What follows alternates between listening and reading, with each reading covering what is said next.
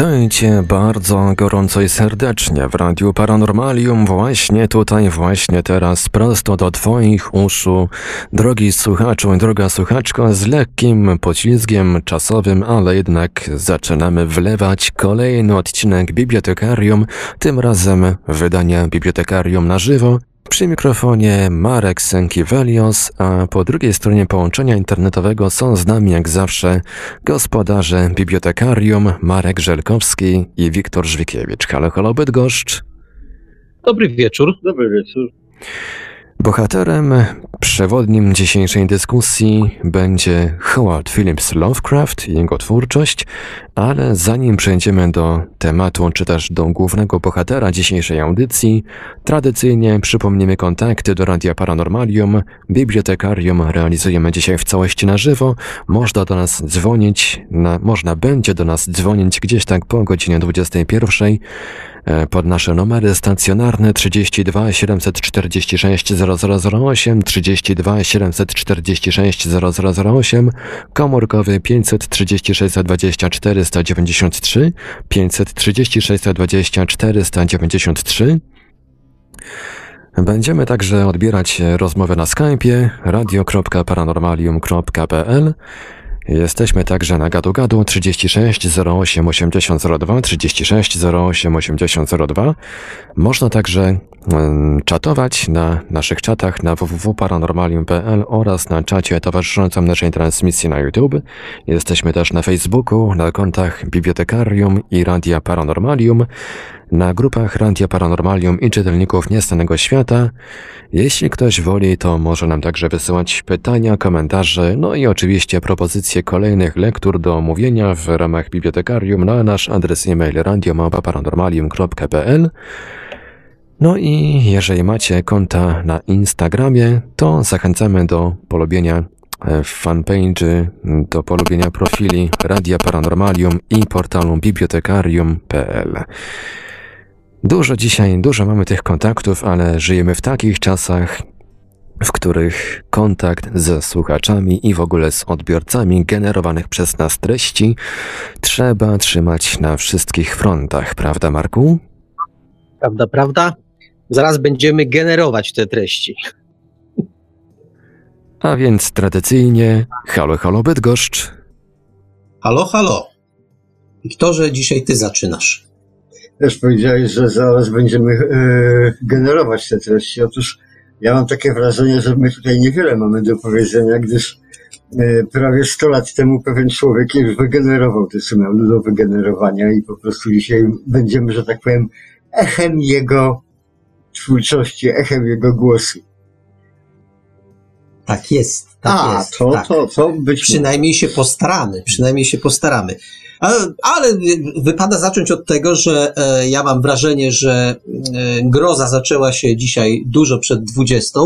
A streszczę ją takim hasłem, że jak chcesz mieć kłopoty, no to e, załatw sobie nowy laptop. To natychmiast, natychmiast i audycja się opóźni, i w ogóle wszystko się, wszystko się posypie.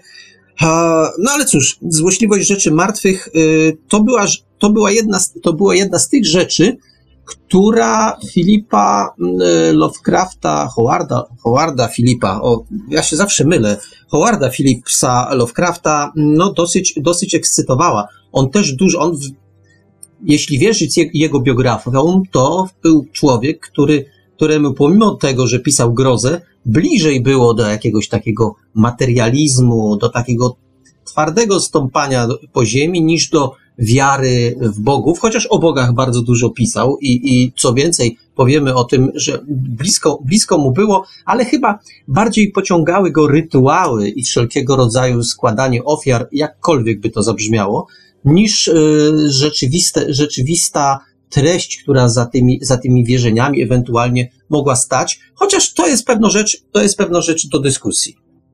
No, wiesz, y, jest to rzecz do dyskusji, ale tak jak, jak ja sobie oglądam jego percepcję, percepuję, że tak powiem, Lovecrafta, to był człowiek po prostu, który, dla którego świat dzisiejszy byłby dopiero z problemami, bo nie dosyć, że, że mm, że nigdy Lovecraft nie akceptował rzeczy, które, że tak powiem, zaciemniają rzeczywistość, czyli nie akceptował seksu oraz pieniędzy w swojej twórczości, to dzisiaj by jeszcze musiał nie akceptować sieci, że tak powiem.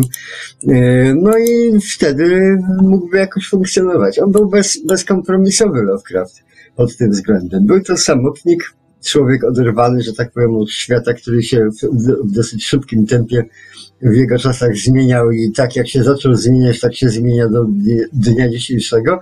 On był, e, stał Lovecraft w jednym miejscu, w miejscu, w którym, że tak powiem, stworzył swój własny świat i interesował go tylko ten świat. Tak jak zresztą każdego pisarza powinno interesować to, co sam pisze. No. No tak, to prawda. Y, bo warto, warto pamiętać w przypadku Lovecrafta, y, jak każdy rasowy pisarz, który później był, y, był pisarzem wielkim, no, miał trudne dzieciństwo trudne w tym, w tym, pod tym względem, że był dzieckiem dosyć chorowitym, takim e, słabowitym, to się tak mówiło. Jest, taką, jest takie stare powiedzenie, ból uszlachetnia, proszę Ciebie. E, trudność, e, jeśli coś jest z czymś, po, poza tym e, wysiłek hartuje po prostu i tak dalej, i tak dalej. Ludzie, którzy, że tak powiem, którzy mają dzisiaj mamusie, małe dzieciaki, które mają mamusie, które przy byle czym zamykają okno, no bo przeciąg, myją rączki, bo bakterie, takie dziecko długo nie pociągnie przecież, bo się nie hartuje. No tak, ale y, z Filipem, y, Filipem, nie, Howardem Phillipsem Lovecraftem to było tak, że on, y, on jemu chyba było to na rękę, powiem ci, no bo tak, że tak. Ja już nie wspomnę o tym, że nie musiał, przede wszystkim nie musiał chodzić do szkoły. Ach, jest, Marika, zawsze się wykręcałem z pójścia do szkoły, wymyślaniem jakichś, tych gorączek pół stopnia wyżej niż trzeba. Nie? Wracając do dzieciństwa Lovecrafta, to było tak, że on rzeczywiście y, do szkoły chadzał rzadko, a później w ogóle, co nie znaczy, że nie odebrał y, gruntownego, no nie, to złe słowo, gruntownego. Był dobrze wykształcony. Przede wszystkim miał wiedzę encyklopedyczną, bo interesowało go wszystko i e, niechodzenie do szkoły wcale mu nie przeszkadzało. Zgłębiał, zgłębiał e, najrozmaitsze podręczniki, od y, astronomii przez tam geografię, biologię, no wszystko, co mu w ręce wpadło, y, po literaturoznawstwo y, włącznie, to też był człowiekiem oczytanym, oczytanym.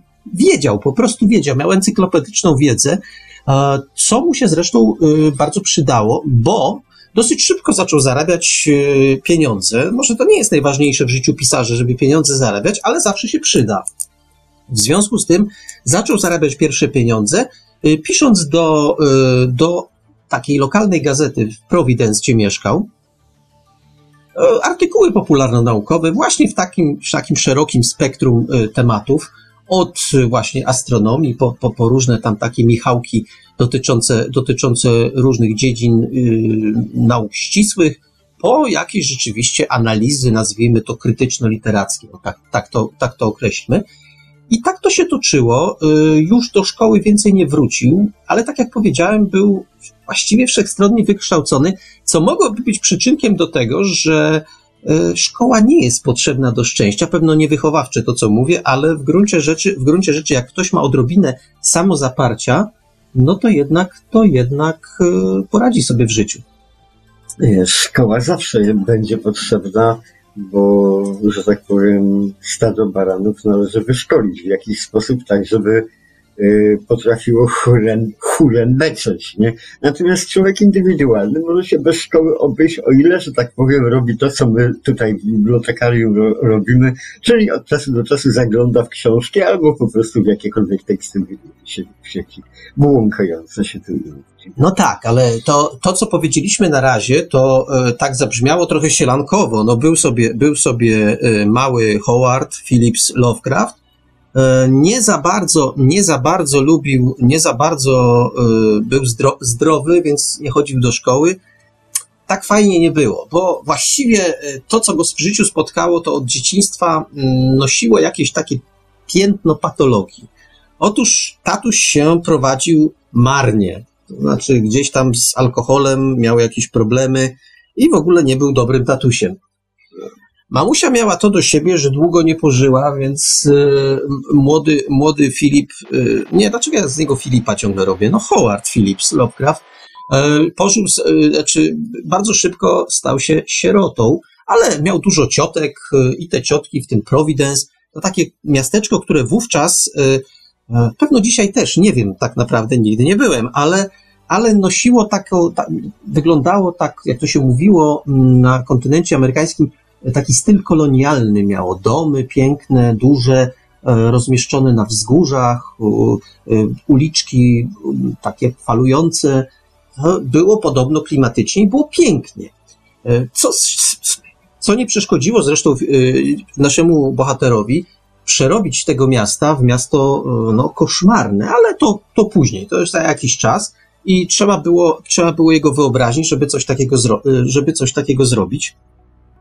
Ale tych cioteczek, tych cioteczek w, w Providence, gdzie, gdzie mieszkał, było sporo i one się, one się nim zajęły i kto wie, czy jeszcze go w tym, w tym jego, w tej jego, no trudno nazwać to hipochondrią, ale w tym jego niedomaganiu jeszcze go nie utwierdzały. Nie no, z całą pewnością y, jakaś przyczyna, y, że w, całej swojej twórczości w ogóle kobiet nie dotyka.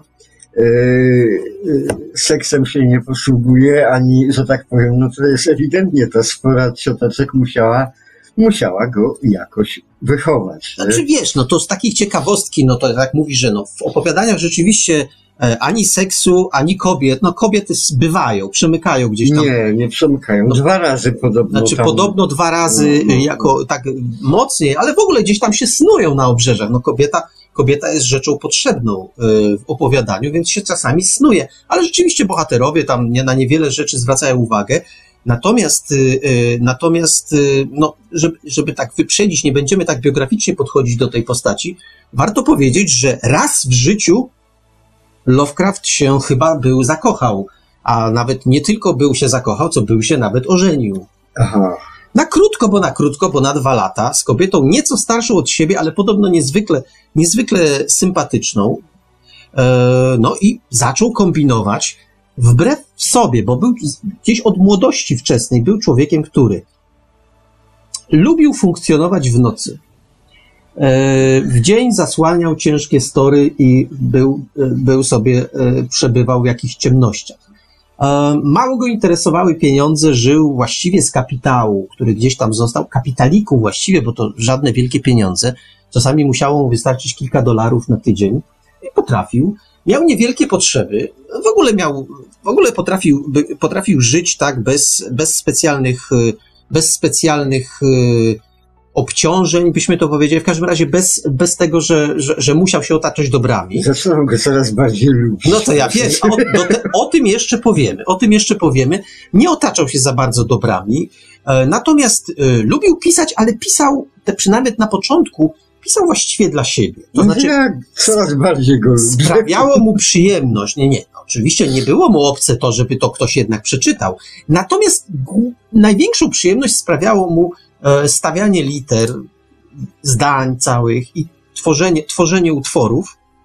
Na początku zresztą to były, to były utwory y, napisane tak, w takiej stylistyce takiej horrorowatej, typowej horrorowatej, no bo, bo jego pierwszymi wzorcami, jakżeż, jakżeż znakomitymi, no były, były, była twórczość y, Edgara Alana Poe i kilku innych jego naśladowców.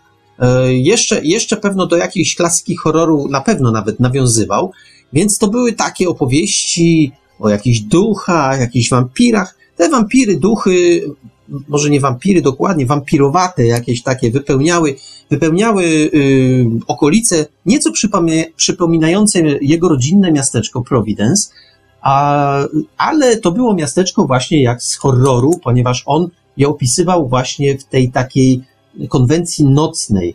Tam gdzieś coś przemykało, było ciemno, gdzieś coś szumiało, jakieś drzewa. No, w ogóle było niesympatycznie, ale zacząłem mówić o tym, o tym, o tym jego małżeństwie i o, i o kobietach. No więc on, pomimo, że tak żył od młodości, to w czasie małżeństwa, w latach dwudziestych, zaczął poważnie myśleć, żeby się ustatkować. Pomyśleć można. Nie, no więcej, zaczął nawet wcielać w czyn to swoje pomyślenie, bo zaczął się rozglądać za stałą pracą. Wyobraź sobie, taki miał pomysł, podczas gdy wcześniej w ogóle nic takiego nie przychodziło do głowy. Znaczy, on miał taki, on, on w ogóle y, gdzieś od młodości zajmował się redagowaniem cudzych tekstów. Umiał to robić, czy lubił, nie wiem, ale umiał to robić i wielu autorów powierzało mu swoje teksty, żeby on je nieco uszlachetnił. E, robił to i to robił z niezłym, e, z niezłym rezultatem, e, ale w każdym bądź razie, kiedy, kiedy, kiedy już ożenił się, przeniósł na krótko, to też taka specyficzna sprawa, bo przeniósł się na krótko do Nowego Jorku ze swoją żoną, właśnie ona Sonia chyba była, starsza, jak już mówiłem od niego, i zaczął myśleć poważnie, żeby zacząć, zacząć stałą pracę. Co więcej, tak się wspaniale złożyło, że jeden z magazynów zajmujących się horrorem, czy w ogóle grozą, zaproponował mu stałą posadę redaktora. Proszę, zobacz, mógł zatem połączyć to, co lubił, z zarabianiem pieniędzy. Ale przez długi, długi czas, przez wiele miesięcy nie było go stać na to, żeby dać jednoznaczną odpowiedź właścicielom y, tego, tego magazynu. On takich zwodził, zwodził, w rezultacie nigdy tej odpowiedzi nie dał, a później roz, po jakichś dwóch latach rozsypało się to jego małżeństwo. To po części było związane z tym, że, że jego żona straciła pracę, y, przeniosła się, no, w stylu amerykańskim, przeniosła się do kilku, y, najpierw do jednego miasta, za pracą, to się mówi, za pracą się przeniosła, do jednego miasta, później do drugiego. On nie bardzo miał ochotę ruszać się gdziekolwiek, Doszło więc do tego, że ona co jakieś dwa tygodnie przyjeżdżała do Nowego Jorku, żeby mu kasę przywieźć, a on y, bił się w piersi, że szuka tej pracy, trochę jak, trochę jak Kiepski, mówiąc szczerze, e, jak Ferdek Kiepski, no nie było pracy dla ludzi z jego wykształceniem, to tak podsumowując. Niemniej to się wszystko rozsypało i chyba, tak jak się czyta biografię, y, y, biografię Howarda Phillipsa Lovecrafta, to chyba do, z, pewnym taki, z pewnym takim uczuciem ulgi wrócił do Providence, do swoich ciotek, do swojego domu, do y, zasłoniętych zasłon, do półmroku, do korespondencji z, całą, z całym gronem, y, z całym gronem y, swoich czytelników, bo on już w tym czasie trochę opublikował, nawet sporo opublikował, byli czy z Filipem, czy z Howardem Filipem, Philipsem Lovecraftem było tak, że Jedni go kochali za to, jak pisał, inni go nienawidzili. Uważali, że to się w ogóle nie nadaje do druku, inni natomiast uważali, że to jest mistrz. Czas zweryfikował te, zweryfikował te poglądy. Niemniej, y, no tak to, tak to wyglądało, więc jeśli chodzi o te, y, o te seksy, o których mówisz i inne sprawy, no to miał taki epizod, aczkolwiek krótki rzeczywiście. I jego biografowie właściwie innych kobiet w jego życiu, poza ciotkami, poza ciotkami nie odnotowują. No wiesz, żył po prostu tym, co miał w głowie, no a to jest w sumie najważniejsze, chociaż nie do końca może, no, no ale w jego wypadku takich, w większości wypadków samotników, takich również genialnych samotników, to, to, to jest najważniejsze, bo dzięki temu, temu tej samotności, że tak powiem, i temu, co się w tych głowach wykluwa, mamy dzisiaj to, co mamy, czyli mamy naprawdę tysiące książek, tysiące teorii od filozoficznych po astrofizykę, fizykę i tak dalej, i tak dalej, informatykę. To są zwykle dzieci, ludzi, którzy byli w większości jednak yy, introwertykami po prostu. No dobrze, ale ty mi powiedz w takim razie, bo, bo tego, tego tak nie łapię do końca, co musi mieć w głowie facet, który, yy, kiedy jest dzieckiem, buduje w, swoich zacienio, w swoim zacienionym domu, znaczy domu, w którym mieszka, buduje ołtarzyki dla nieznanych bogów, pali tam kadzidła, pali świeczki, składa ofiary, podczas gdy wszystko wskazuje na to, że jego wiara e, w istnienie bogów jako takich jest mikra już wtedy, nie, niewielka, e, a bardzo go fascynuje tworzenie całych sag E, nieznanych bogów, o dziwnych imionach, e, bardzo, bardzo dziwnych imionach. E, te wszystkie koneksje, te wszystkie zależności pomiędzy tymi bogami niezwykle go fascynują i to jest, i to, I tak od dzieciństwa. Wiesz, e, był to taki czas, był to czas, e, e, kiedy, że tak powiem, zaczynał na tej niwie naszej kwitnąć, kwitnąć materializm i po prostu, tak jak jest tym sztampowym powiedzeniu, że tak powiem, próżnia, próżnia niestety nie, nie tego, nie, nie może istnieć tego, każde miejsce zostaje natychmiast wypełnione czym innym, po prostu yy, Lovecraft po prostu wypełniał próżnię.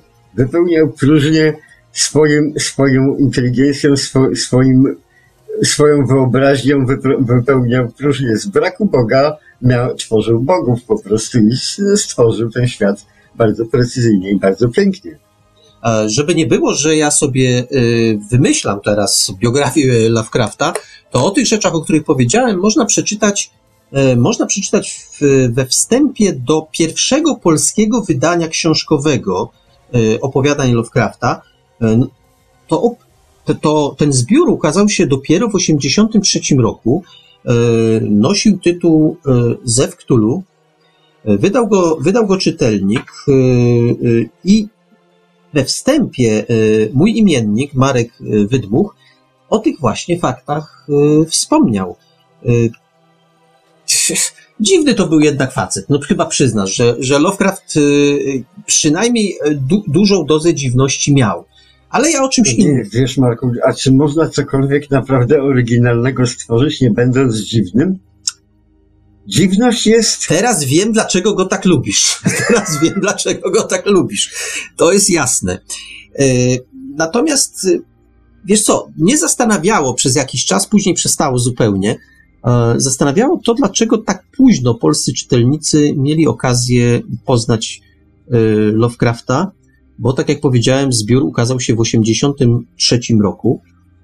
I okazało się, że tkwiłem w błędzie. Otóż tak, książkowo rzeczywiście mieli go okazję e, poznać w latach 80., ale, ale yy, na polskim rynku po raz pierwszy o Lovecraftie zaczął mówić e, Kałużyński. Zbigniew, zdaje się, tak? Zygmunt. Zygmunt. No tak, to zawsze, ja imiona to regularnie mylę. W każdym razie Zygmunt Kałużyński po raz pierwszy zaczął, zaczął mówić o twórczości Lovecrafta, pisać właściwie. I on zaczął ją przybliżać, a w ślad za tym pojawiła się twoja przygoda z Lovecraftem.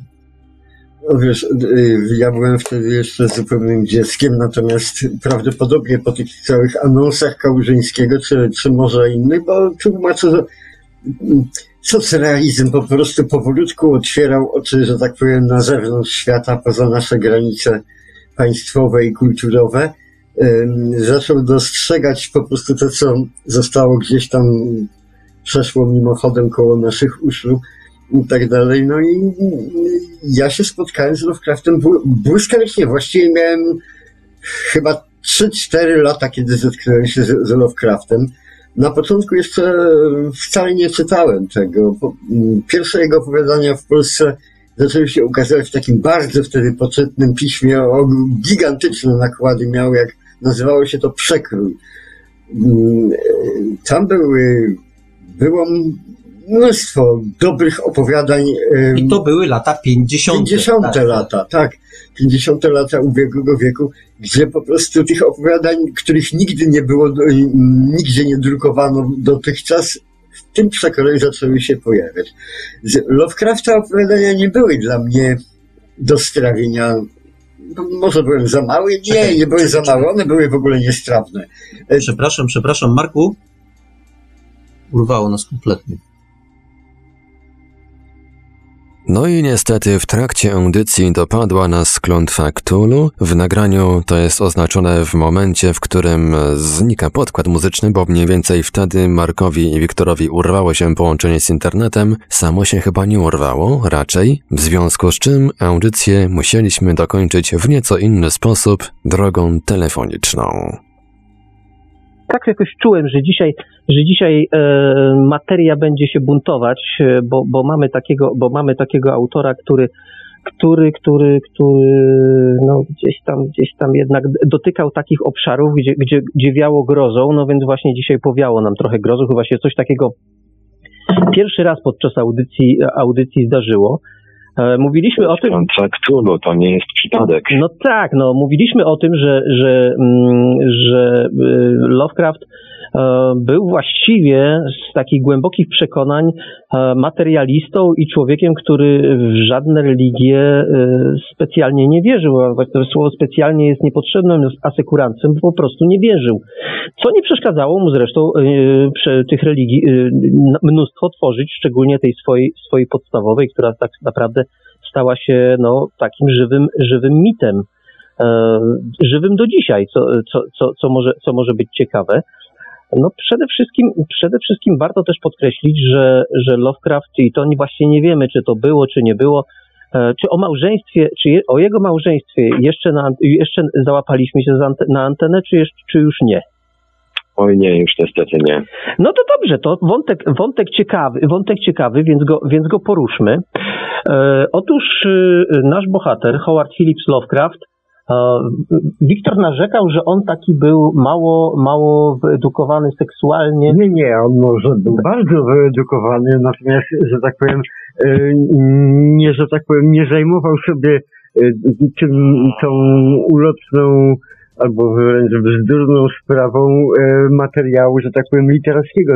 Nie, zajmował miejsca tym, szukał innych rzeczy, szukał, pi- opisywał to, a proza życia No tak, e, rzeczywiście w prozie Lovecrafta próżno szukać jakichś takich wątków miłosno-seksualnych, no seksualnych to już w ogóle, ale miłosnych nawet. Kobiety się tam e, przewijają z rzadka, gdzieś tam po, po, pomykają po obrzeżach no, dwa razy. poszczególnych, poszczególnych opowieści.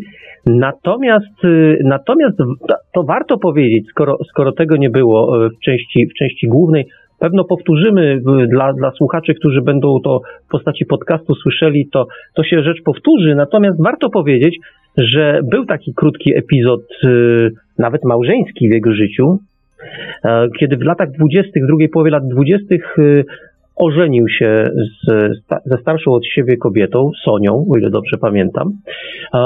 To małżeństwo przetrwało dwa lata. Co więcej, on, człowiek, który y, gdzieś od dzieciństwa no, nie był specjalnie zainteresowany niczym poza mm, takim spędzaniem czasu, jakie sobie wymarzył, czyli, czyli na przykład y, em, siedzeniem w domu przy zaciągniętych zasłonach, nocnymi spacerami, e, korespondencją ze swoimi licznymi znajomymi, ale korespondencją o literaturze, e, jakimiś dziwnymi, dziwnymi przemyśleniami, jakimiś lekturami, nie zawsze y, dotyczącymi spraw naukowych, tylko czasami po prostu zupełnie odjechanych. Wszystko to był gotowy porzucić. Zaczął nawet myśleć, że po raz pierwszy w życiu podejmie stałą pracę. No bo tak jak powiedziałem, on y, kilka razy, kilka razy, mm, y, y, czy może inaczej.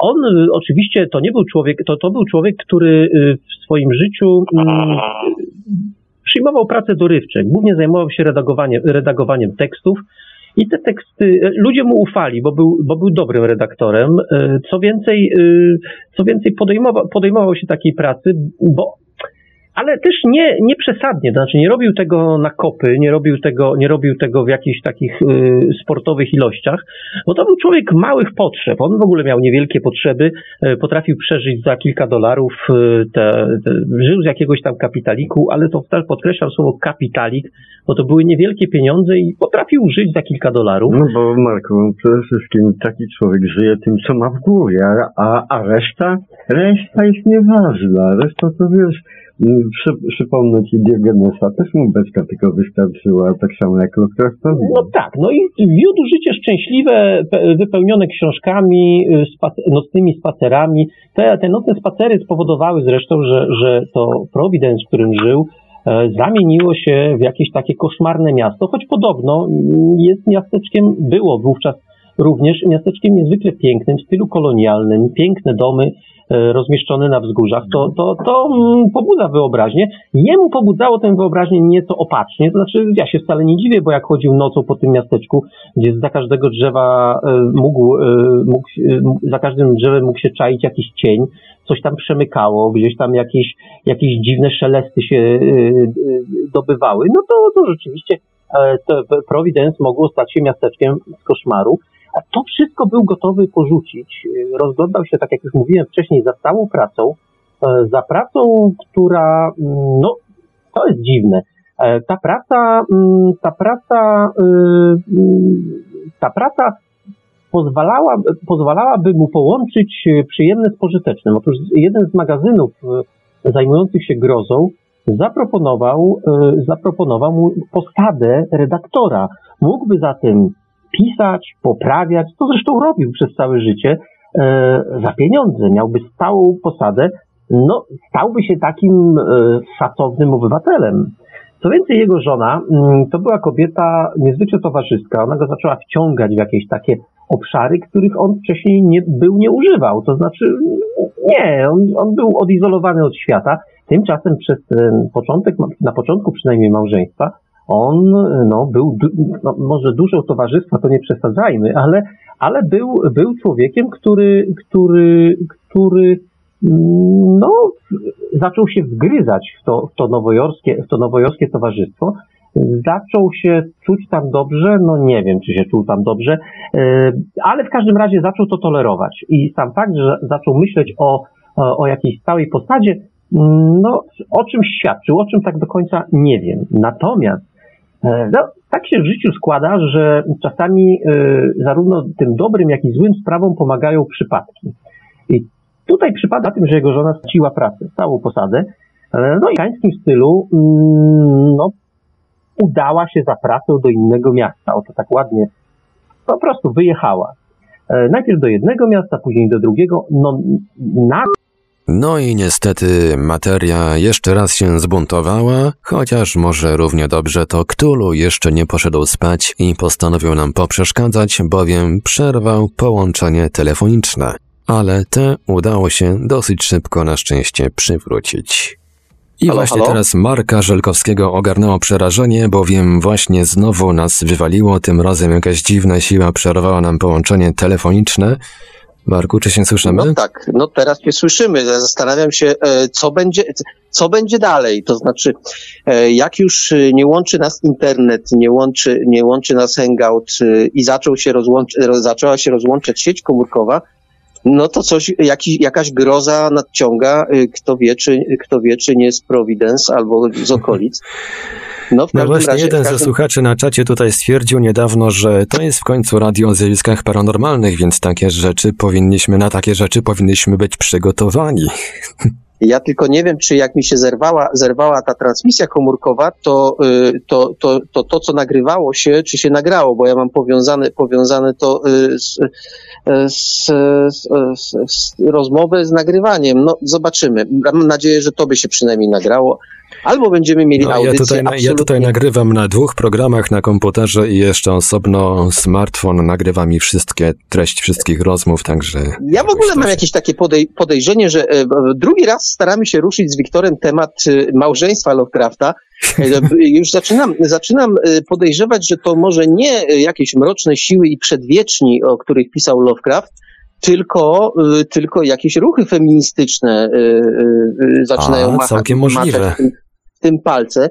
No bo właśnie, właśnie dochodziliśmy do, z Wiktorem do momentu, kiedy mówiliśmy o tym, że e, e, Howard Phillips Lovecraft zaczął się wgryzać w to, w to, w to, w to życie nowojorskie, ale e, niestety, niestety nie udało się e, się wgryźć, a może właściwie stety, bo literatura nie poznałaby kilku fajnych, fajnych utworów. Natomiast e, e, żona straciła pracę, Pojechała za pracą e, do innego miasta, e, później do jeszcze innego.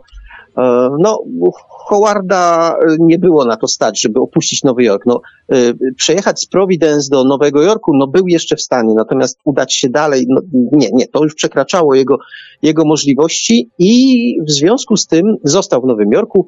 Żona przyjeżdżała co jakieś dwa tygodnie do domu, przywoziła pieniądze, no, no i tak sobie żył przez jakiś czas, ale mm, widocznie mu się to jednak nie podobało, bo po mniej więcej dwóch latach małżeństwa doszedł do wniosku, że no, czas je zakończyć. I z pewną ulgą, jak piszą niektórzy biografowie, e, wrócił, wrócił do Providence, do, do, do, swoich, do swoich ciotek.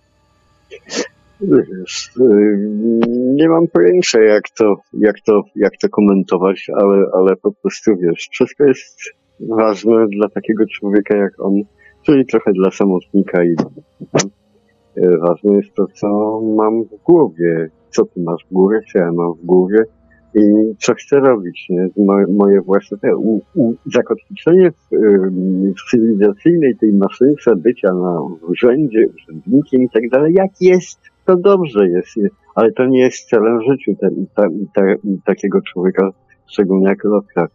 Natomiast mam takie wrażenie, że te wszystkie kłopoty, które tutaj nam towarzyszą, yy, mają jedną stronę. Ogromnie pozytywną jaką? no słucham cię. dają dowód, jak ulotne jest słowo w porównaniu z książką. No to prawda. Czytajcie, kochania, nie słuchajcie naszych gadań, kurde, czytajcie, bo to, tam to nie ucieknie, Nie, tam no, to wam się czasami- nie... Czasami nas posłuchajcie z łaski swojej, to też nie będzie, To, też nie będzie dramatu. tylko dlatego, że mamy tych parę zmysłów i, że tak powiem, uszy czasami też trzeba używać, nie? No to prawda, to prawda. E, ważne jest e, w tej, w tej biografii Lovecrafta, że on wrócił w latach, w drugiej połowie lat dwudziestych wrócił do Providence i od wtedy właściwie zaczyna się, no to było ostatnie 10 lat jego życia, bo on, e, on zma, zmarł e, w roku 1937, jeśli mnie, pamię, jeśli mnie pamięć nie myli. E, A zatem, no, zostało mu niewiele czasu, ale ten czas z punktu widzenia y, literatury, y, no zdecydowanie dobrze, dobrze spożytkował, bo to wtedy powstały te największe dzieła Lovecrafta, Mm, czyli, czyli na przykład właśnie Zew Cthulhu. No, tak jak mówiliśmy wiele razy w audycjach, po prostu ym, muzy bardzo często spełniały bardzo pozytywną rolę przez to, że były, ale czasami również yy, kiedy sobie odejdą, ten, tym faktem, że tak powiem, potrafią dodać skrzydeł facetowi. No wiesz, no, y, warto powiedzieć, że to jednak ona sobie nie odeszła, on, to jednak on sobie wrócił do Providence y, i, i później został przeprowadzo- przeprowadzony rozwód, ale y, ja proponuję zejść z tego Wiesz, tematu, bo Marku, nas zaraz znowu rozłączy. Z- Zaraz rozłączę to może nie o kobietę, ale ja pamiętam jak, jak ja po prostu rozpaczliwie kilka razy miałem głupich pomysłów, żeby się gdzieś zatrudnić. Nawet zas- zatrudniałem się, zostawałem dyrektorem na tydzień albo na dwa, na miesiąc chyba dłużej i tak dalej. Po, po czym szybko y, rozumiałem, jakie to jest, y, jakie to jest zbędne piąte koło uwozu w życiu człowieka, mówię naprawdę. No tak, i teraz, teraz możemy powiedzieć o tym, że, y, że mm, kiedy mówiłeś, że tak y, coraz bardziej lubisz Howarda Phillipsa Lovecrafta, to, to, to jest między innymi jedna z tych przyczyn, tak? Po prostu ja go nigdy nie rozumiałem, jak czytałem, ale jak, jak, e, jak dopiero jak czytam jego biografię, to zaczynam rozumieć jego twórczość po prostu, bo e, to są wszystko naczynia połączone. Ta twórczość wynika z potrzeby serca po prostu. Taką miał, bo miał ogromną potrzebę serca, tylko że nie miał e, nie ma, że tak powiem, adres, w książce adresowej e, Lovecrafta nie było tego, tego, tego, tego, tego, tego, tylko było, była sama głowa i myślenie. No, ja się teraz muszę zwrócić jeszcze do naszej pamięci zewnętrznej, czyli do Marka. Marku, powiedz nam, y, czy, y, czy w tej części, zanim nas urwało po raz pierwszy, była, y, zna, znalazł się ten fragment, w którym mówiliśmy o polskiej percepcji Lovecrafta, czyli kiedy się pojawił w ogóle w Polsce. Zdecydowanie nie, jeżeli dobrze pamiętam. No to cóż, to zatem, zatem powtórzmy. Otóż, y, y, tak jak mówiłem, y, Philip, y, y, Howard Phillips Lovecraft zmarł w latach 30. I w Polsce on właściwie był do 56 roku nieznany.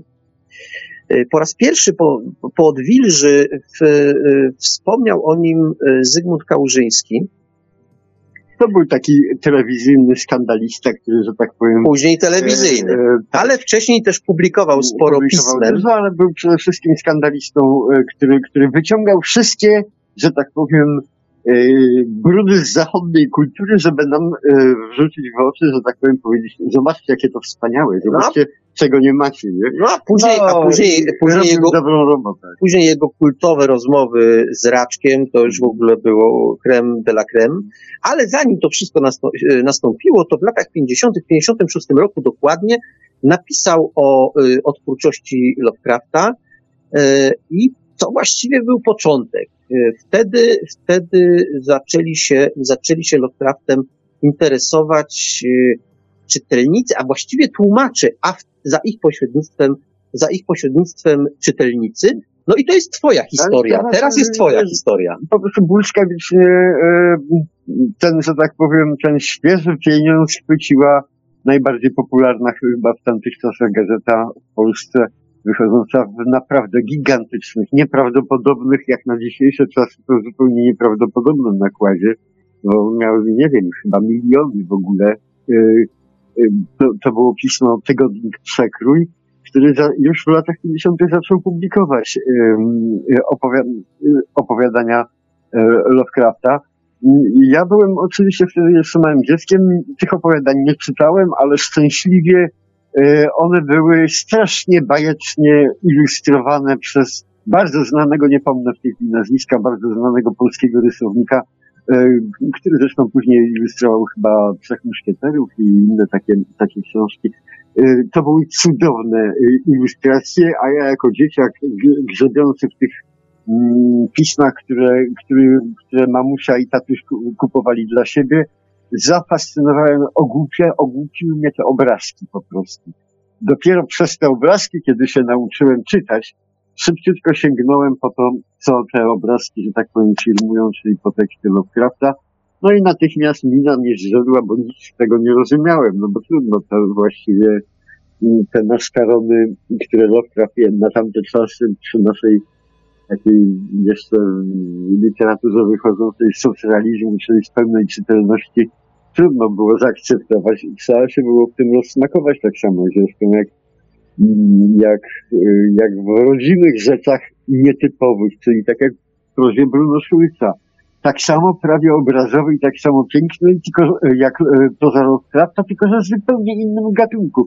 Bo ja może zwrócę, Ma- Marek, jedną uwagę. y, To, myśmy mówili, że, że Lovecraft y, przede wszystkim jego profesorami, jego mentorami z jego dzieciństwa to był y, Edgar Poe y, i okoliczni pisarze. Tak, jako człowiek oczytany, tak jak Tak, mówiliśmy tak. na początku, był niezwykle oczytany, również w literaturze, nie tylko w dziełach naukowych. Tak, natomiast trzeba pamiętać, że w tym momencie, w tych latach, jego tam młodości dopiero następowała ewolucja, właściwie przekształcanie szybko bajki, baśni, y, horror, fantasy i, i w science fiction po prostu. Y, Horror był y, taką naturalną drogą ewolucyjną przejścia od bajki, od baśni do literatury science fiction. I Lovecraft był jednym z pierwszych um, autorów, który, który jeszcze pisał baśniowo, jeszcze to było um, bardzo magiczne i tak dalej, ale to już była, to już była praktycznie biorąc twarda science fiction. Tak, bo ja ci powiem tak, z powodu, z powodu licznych e, rozłączeń naszych, ja już straciłem, e, straciłem e, orientację, co my już mówiliśmy i ile razy. No więc siłą rzeczy dzisiaj prosimy naszych słuchaczy o wybaczenie, jeśli się zaczniemy powtarzać, ale i warto powiedzieć o tym jego dzieciństwie, w którym on budował ołtarzyki. Ja mam, już to chyba trzeci raz powtarzam, ale mm, budował ołtarzyki, palił kadzidła i świece, składał ofiary nieznanym bogom, zajmował się konstruowaniem ich biografii, e, i to tak bardzo szczegółowych, kto z kim, po co, dlaczego i tak dalej. A To go niezwykle fascynowało, ale powiedzmy od razu, że te jego inklinacje, te jego zainteresowania odnoś, y, związane z nauką, one spowodowały, że on bardzo szybko stał się materialistą i człowiekiem, który absolutnie w żadne tam e, opowieści o bogach y, takich czy innych y, specjalnie nie wierzył. Natomiast widział w nich niezwykły potencjał do straszenia, stąd też cała ta jego mitologia, która powstała, która jest aktualna do dzisiaj. I to, to, to co ty nazywasz. Dlaczego o tym mówię? Bo on później, kiedy, kiedy był ym, człowiekiem, do którego pisało wiele osób, Jedni po to, żeby redagował ich teksty albo współredagował za pieniądze, inni po to, żeby wymienić z nim y, kilka ciekawych myśli, a przy okazji poradzić się, w jaki sposób pisać. E, To on, y, y, o czym wspomina, o czym wspomina jeden z jego biografów, y, on y, na przykład był gotowy udzielić im takiej rady, żeby nie nadużywali przymiotników. To od razu mi przypomina nasze, nasze audycje, nasze audycje ABW, gdzie też, też powtarzamy taką, e, taką e, tego rodzaju poradę, żeby nie nadużywać przymiotników. Po czym siadał do swojego i twórczości i walił tam przymiotnik po przymiotniku i to jest wszystko wypełnione tymi przymiotnikami, ale jest jedna ważna rzecz. O ile te przymiotniki mogą razić u jednego, drugiego, trzeciego autora, to ma coś Lovecraft takiego w sobie, że ta jego w gruncie rzeczy nieco nadęta proza, nieco taka koturnowa, nieco taka pisana takim stylem łorany boskie. To, to, to jest wszystko tak na takim wysokim poziomie, na wys- wysokim C, a jednak to nie razi. To, to budzi szacunek i jest to mitologia, która, która no, porywa za sobą. Ja pamiętam, jak przeczytałem pierwszy raz, w przeciwieństwie do ciebie, no to tak mi ta szczena opadła, bo, no bo to było coś nowego. I to, co powiedziałeś, że to jest mm, rzeczywiście bliżej tym opowiadaniom do y, tym jego późniejszym opowiadaniom, bo na początku on rzeczywiście pisał o duchach i wampiropodobnych różnych i to było takie właśnie post, y, post y, y, takie czerp, czerpiące z tej klasyki, z klasyki literatury grozy, to później już nie. Później rzeczywiście, tak jak powiedziałeś, bliżej temu było do science fiction. Zresztą jeden z, jeden z badaczy literatury określił ten sposób pisania, y, którym zajmował się Lovecraft, jako science fiction of horror. Mm. To dokładnie tak. Y, Co, jakkolwiek byśmy to zaczęli tłumaczyć, to, to właśnie, to właśnie e, oddaje, oddaje mm, sposób, w jaki pisał Lovecraft. E, To jest niby cały czas w takiej poetyce, poetyce grozy, typowej grozy, a jednak jest odwołanie no, przedwieczni. To są jednak y, przybysze z gwiazd, gdzieś z odległych, z odległych y, miejsc we wszechświecie. W ogóle są cała ta, cała ta mitologia związana jest ze wszechświatem, z jego, z jego istnieniem, z jego, z przemieszczaniem się tych, tych istot, z tym, że one trwają i że one tu wrócą, że obejmą, obejmą na, na powrót swoje, swoje władztwo. No to jest, to jest jak najbardziej właśnie bliżej temu do science fiction. Co więcej, warto powiedzieć, że jego uczniami, no waham się czy nazwać uczniami, w każdym razie ludźmi, z którymi korespondował, No miał Lovecraft. dobrą rękę. miał dobrą rękę, bo y, wśród takich znanych nazwisk, ludziom, ludzie, którzy, którzy czytują science fiction, no myślę, że te nazwiska nie, nie, nie, nie, nie zdziwią ich, ale Henry Kuttner i na przykład Fritz Leiber, Leiber y, to, to, byli, to byli jego, to byli jego, znaczy korespondował z nimi. A zatem y, tych nazwisk było znacznie więcej, ale, ale to pierwsze, które, które przychodzą mi do głowy, które pamiętam, no to, to jest pierwsza liga przecież. Y, I, i, I warto o tym wspomnieć. A zatem pisarze jak najbardziej SF no, czerpali jednak z wiedzy, z pom- może nie z pomysłów, ale z pewnej poetyki, którą proponował Lovecraft. Zobacz, że to y, odnosi się do Stanów Zjednoczonych, tam, bo tam to się bardzo dynamicznie rozwijało. Natomiast na naszym polskim podwórku dokładnie ta sama ewolucja odbywała się, tylko że myśmy mieli jeszcze pierwszą, drugą wojnę i tak dalej, ale mm, y, mniej więcej tak samo.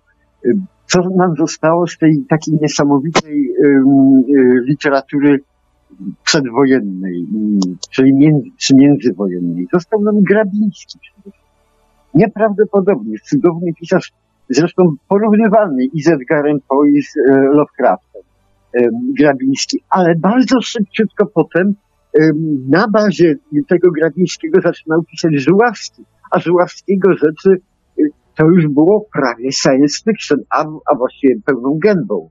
Em, Ja nie wiem, czy Żuławski nie był wcześniej, ale dobra, to Nie, nie. nie wiem. Wiesz co, ja teraz się obsesyjnie zapytam Marka, czy nas w ogóle słychać, bo tak już, tak wiesz, y, halo, halo Marku? Halo, halo? Słychać, tylko e, dostawca mój telefoniczny właśnie mi zakomunikował, że zostało mi na koncie mniej niż 6 zł, także nie wiem, czy czasem nie przerwie w trakcie E, To, więc a może zrobimy odwrotnie, to może ja zadzwonię do ciebie i będzie po prostu taniej. No możemy tak zrobić, czemu nie? No to dobrze, to ogłaszamy niniejszym y, dosłownie półminutową przerwę. Zmiana sponsora. Dobrze. No chyba się słyszymy, nie chyba na pewno. Słyszymy się, słyszymy i w ten sposób udało się nam y, wyprzedzić cios rzeczywistości i byliśmy tym razem pierwsi. Nie daliśmy się, nie daliśmy się materii i przechytrzyliśmy tym razem. Jedno No, z tych będziesz- małych zwycięstw w wielkiej wojnie, w wielkiej walce o przetrwanie dzisiejszej audycji. Tak jest. Dużo robimy. E, naprawdę, naprawdę sam siebie podziwiam, że aż taki waleczny jestem. Ale, ale, wróćmy do Lovecrafta, bo to, bo to temat ciekawszy od naszej bojowości tu z Wiktorem. E, Lovecraft, e, z takich ciekawostek, o których warto powiedzieć, e, to mm, dzieło, które się nazywa Necronomicon. Myśmy się przyzwyczaili, że w różnego rodzaju horrorach e, to jest takie dzieło, które się pojawia bardzo często. E, No, nie wszyscy wiedzą, że ten Necronomicon, ten tytuł, on powstał w wyobraźni Howarda Phillipsa Lovecrafta. To on stworzył sam ten tytuł.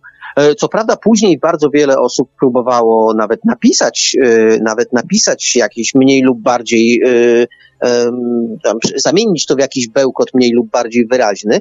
Niemniej pomysłodawcą takiego dzieła i historii tego dzieła był właśnie Lovecraft.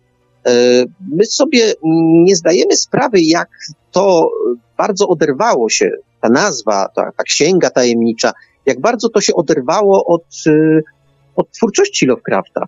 Dzisiaj Necronomicon pojawia się w rozmaitych horrorach, w rozmaitych dziełach, w rozmaitych książkach. E, Pojawia się, no nie wiem, e, czerpmy garściami. E, Jest u Pilipiuka, jest u Sapkowskiego w jego trylogii husyckiej. Ja nie wiem, no właściwie u, u bardzo wielu autorów, w bardzo wielu filmach się, w bardzo wielu filmach się pojawia. Warto wówczas pamiętać, że to dzieło, a właściwie nazwę tego dzieła i to, o czym ono opowiada, jego historię, stworzył właśnie Lovecraft. Więc y, żeby, żeby, że tak powiem, wyprzedzić ewentualne zakłócenia, to ja chyba bym wrócił do istoty rzeczy, dlaczego ta audycja i dlaczego w tej chwili y, o Lovecraftie, że tak powiem, my w ogóle mówimy, wspominamy. Otóż ja mam takie wrażenie, że Lovecraft jest doskonałym przykładem y, człowieka, który nadmuchał pewien balon w pozy- w pozytywnym tego słowa znaczeniu i ten balon frunie. Frunie przez dziesięciolecia. E, Lovecrafta już nie ma, natomiast jest mnóstwo ludzi, którzy, którzy obserwują lot tego balona nadmuchanego przez Lovecrafta. E, Żyją tą poetyką jego dzieł. To jest dokładny przykład człowieka, e, jak dzieło może prze, przetrwać autora. Tak jak wspominasz tytuł tej magicznej prawie księgi, której już dzisiaj nikt, nikt nie kojarzy z, z Lovecraftem po prostu, a ona istnieje. To dzieło Lovecrafta przetrwało autora po prostu. Mnóstwo ludzi e, dalej nie tyle może ja, nie tyle czyta jego literaturę, co żyje tym etosem, tą, tym sposobem pa- patrzenia na świat, tą, tym rodzajem wyobraźni po prostu, nie? Bo to jest, to jest bardzo nośne. On to, że tak powiem, zrobił, no i zobaczymy, ku czemu to leci. Jest takie stare powiedzenie, uderz w stół, nożyce się odezwą. Lovecraft uderzył w stół, zobaczymy, kiedy te nożyce się odezwą. No, one się, ja mam wrażenie, że one się już odezwały. Natomiast y, to nie było tak proste, to nie było wszystko takie proste, bo po śmierci Lovecrafta, mm, no trudno powiedzieć, żeby to był, e, żeby on za życia zakosztował sławy. No nie, nie było tak, wręcz przeciwnie. No oczywiście publikował, ale e, to było tak, że mm, wcale redaktorzy nie bili się. Marku, Marku, sława to byt autonomiczny. Sławie autor jest No zbyteczny. to, to, Jak autor umiera, to dopiero sława wtedy może no, rozwinąć to- skrzydła, to nie? w tym wypadku ma jak najbardziej, jak, naj, jak najdokładniejsze potwierdzenie tych słów, bowiem Lovecraft za życia e, za wiele sławy nie zakosztował, jak powiedziałem. Co więcej, y, redaktorzy niektórych pism wy, najwyraźniej go nie lubili, bo to nie było tak, że Lovecraft pisał opowiadanie, wysyłał do jakiegoś czasopisma, a i tam natychmiast to publikowano. Nie, nie, nie, nie.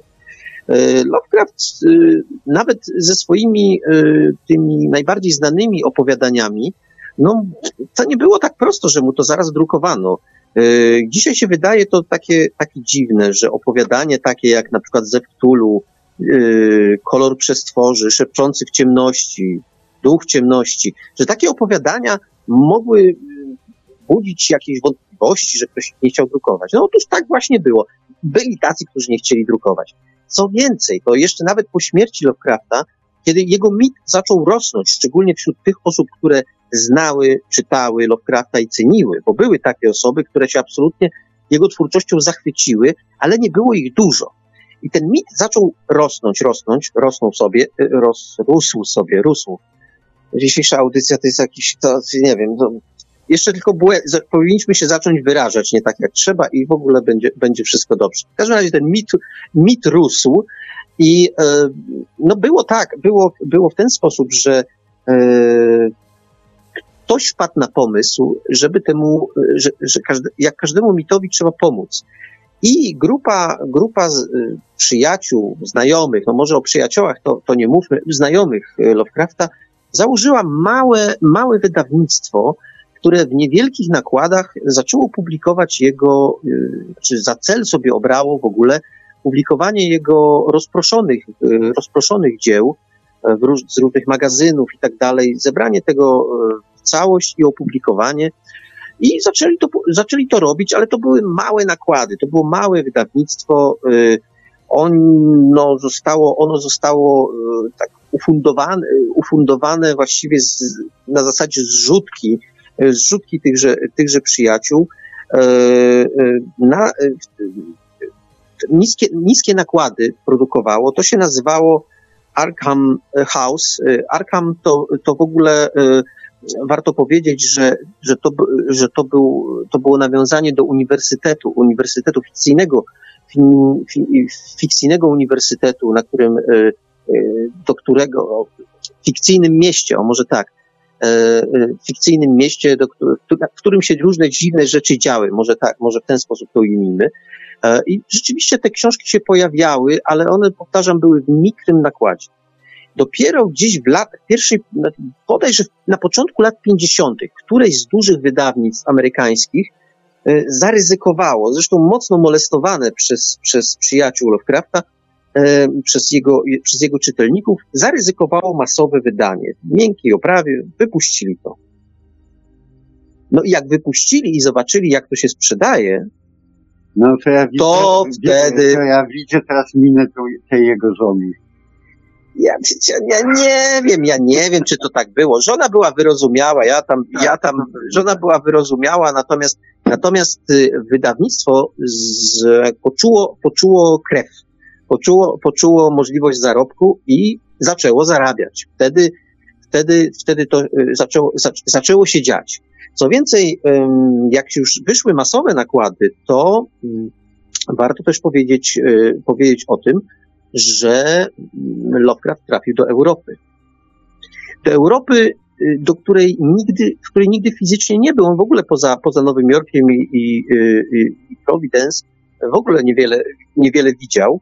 Natomiast marzył zawsze o podróży do Europy i nigdy go na nią nie było stać. A jego dzieła trafiły do Europy, y, do, do, między innymi do Francji, między innymi do Francji, E, ale też do innych krajów europejskich i tu zrobiły, zrobiły furorę. Wiesz, Marku, no, zwróć uwagę, że Samuel Kant też właściwie nigdy nie opuścił królestwa, nie? czyli no kilka kilometrów wyjechał, już kilka kilometrów to może wyjechał, no to tyle, to przejechał również Lovecraft między Providence a Nowym Jorkiem, nie? Natomiast e, rzeczywiście mm, tak jak powiedziałem, sława to coś, co żyje zwykle wtedy, kiedy autor y, przestaje ciążyć po prostu tej sławie. Nie? Natomiast ja mam takie, miałem, jak też słuchałem tego, co mówisz, miałem takie dziwne skojarzenie, że chyba zrozumiałem Ym, Dlaczego, y, może nie dlaczego, bo to rozumiałem zawsze, dlaczego Lovecraft jest mitem, natomiast chyba zrozumiałem to tak na marginesie tej Mhm. całej rozmowy. Kiedy umierają mity, Marku? O, wiesz? Wiesz, kiedy e, umierają mity? Mity mają taką e, naturę bardzo arystokratyczną. Czym nas jest mniej, tym mit silniejszy. Gdyby Lovecrafta zaczęli, zaczęła czytać cała Ziemia, wszyscy ludzie, to mit prysł. Dzięki temu, że miłośników Love- Lovecrafta jest bardzo niewielu w porównaniu z miłośnikami Stephena Kinga na przykład, to po prostu e, szlachetnieje. Towarzystwo jest wybrane po prostu. Nie? To są wybrańcy, tylko którzy się spotykają, wymieniają, piszą w stylu i tak dalej. Jeśli, ja mówię, nie czytaj, niech, niech nikt nie czyta poza nami, że tak powiem, Lovecrafta. Okej. Dzięki temu ten mit będzie trwał i przetrwa tysiąclecie. Powiedziałeś o Stephenie Kingu. O Stephenie Kingu za chwileczkę coś powiem. Stephena Kinga też nikt nie chciał wydawać a propos tego. No, to, no, tam, ale jest pewien związek, e, delikatny, ale jest pomiędzy Lovecraftem a Stephenem Kingiem, ale zanim, zanim o Stephenie Kingu, to y, o, tym, y, o, tym, o tym Arkham, bo ja zdaje się... No znowu- właśnie, właśnie mówiłeś, że Lovecraft nigdy nie skończył żadnego uniwersytetu, a tu się okazuje, że skończył. No tak, Miskat, Miskatonic y, University, e, bo w tym miasteczku Arkham, misty, No. czy no nieprawdziwym, nieistniejącym miasteczku Arkham, był Uniwersytet Miskatonic. No, no, I tam, no, i ten no, uniwersytet, no. tak, ta, to no. prawda, to prawda, to tytułem uzupełnienia. Natomiast jeśli chodzi o Stephena Kinga, otóż znowu nie pamiętam, czy to, czy to było w tej części, która się, która była wyemitowana i słyszalna, czy też w tej części, która się, która, e, do, gdzie gadaliśmy do ścian. No, w każdym razie mówiliśmy o tym, że pierwszym polskim wydaniem było wydanie e, e, książkowym wydaniem, bo tak jak mówiłeś, wychodził w przekroju, tam był między innymi drukowany, ale pierwszym książkowym wy, wydaniem Lovecrafta był, był, był tom Zew Cthulhu, w którym się znalazły jego najbardziej takie, takie znane e, opowiadania.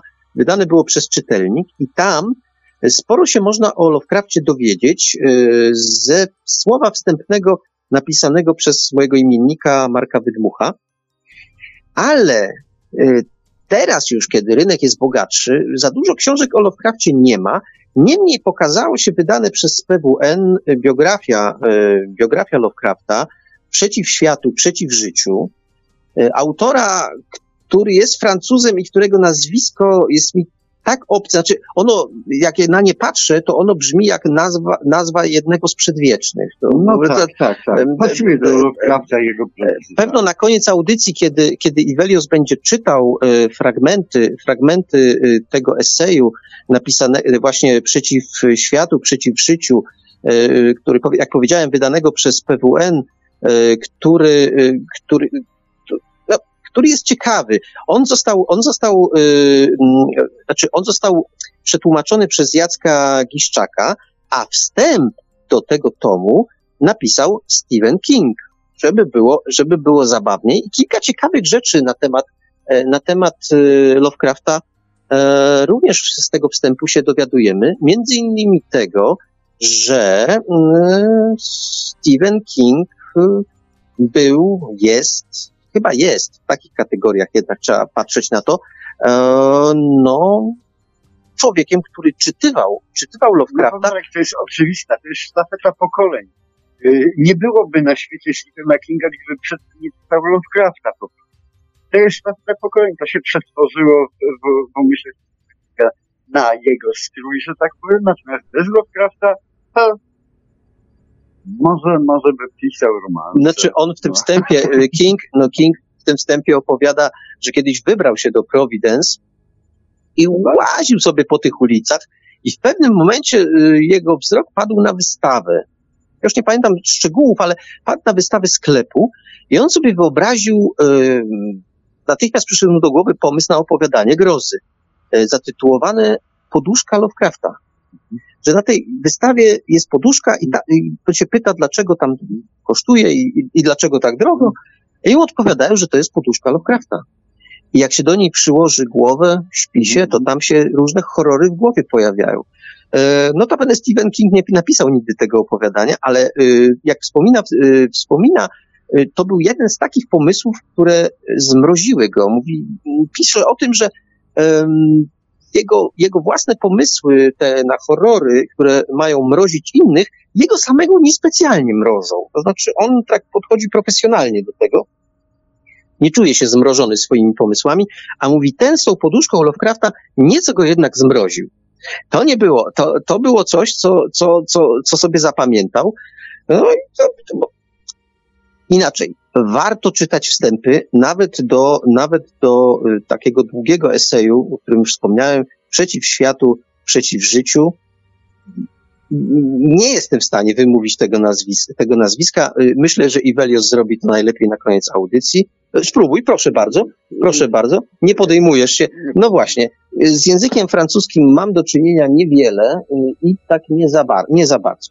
Każdy... Wiesz, ale Marek, jak, jak wspomniałeś tą całą anegdotę o, o poduszce y, y, Lovecrafta, przypomniało mi się, proszę Ciebie, moje takie wspomnienie z, z nastoletnich czasów, kiedy, kiedy gdzieś tam na wsi próbowałem dosiąść pewnego konia, no i ten koń mnie bardzo sukcesywnie zwalał równo, chociaż miał siodło, nie? No ja spadałem po prostu z tego, z tego konia, no i to wyszedł gospodarz, yy, popatrzył yy, na mnie, pokręcił głową, po czym zwalił to siodło, które było na tym koniu, powiedział, że to jest do kitu niepodobne, ja ci dam swoje, nie?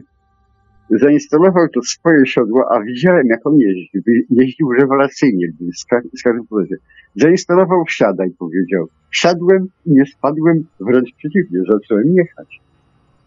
To było, tam była poduszka Lovecrafta, a to było siodło kogoś. Być może rzeczy, że tak powiem, potrafią nas ukierunkowywać w sposób, mm, jak to było tak na moim A zerkam sobie tutaj na czat, póki działa i, i widzę, że e, jeden z, z naszych e, słuchaczy pisze o tym, że widuje Necronomicon e, czasami, czasami na wystawie jednej z księgarni. No bo tak, bo, bo to, bo to mm, zaczadzenie mitem poszło tak daleko, że o tym wspominałem, że kilku autorów po tym, jak, jak nasz bohater e, Lovecraft wspomniał o takim dziele, wspomniał jego historię, e, naprawdę napisało takie dzieło, mniej lub bardziej bełkotliwie, tak jak już mówiłem, i w związku z czym Necronomicon e, z pomysłu literackiego przedzierzgnął się w rzecz jak najbardziej materialną. To też się wcale nie dziwię, że ktoś może e, takowy, tako, ta, tako, takowy Necronomicon gdzieś tam na wystawie zobaczyć.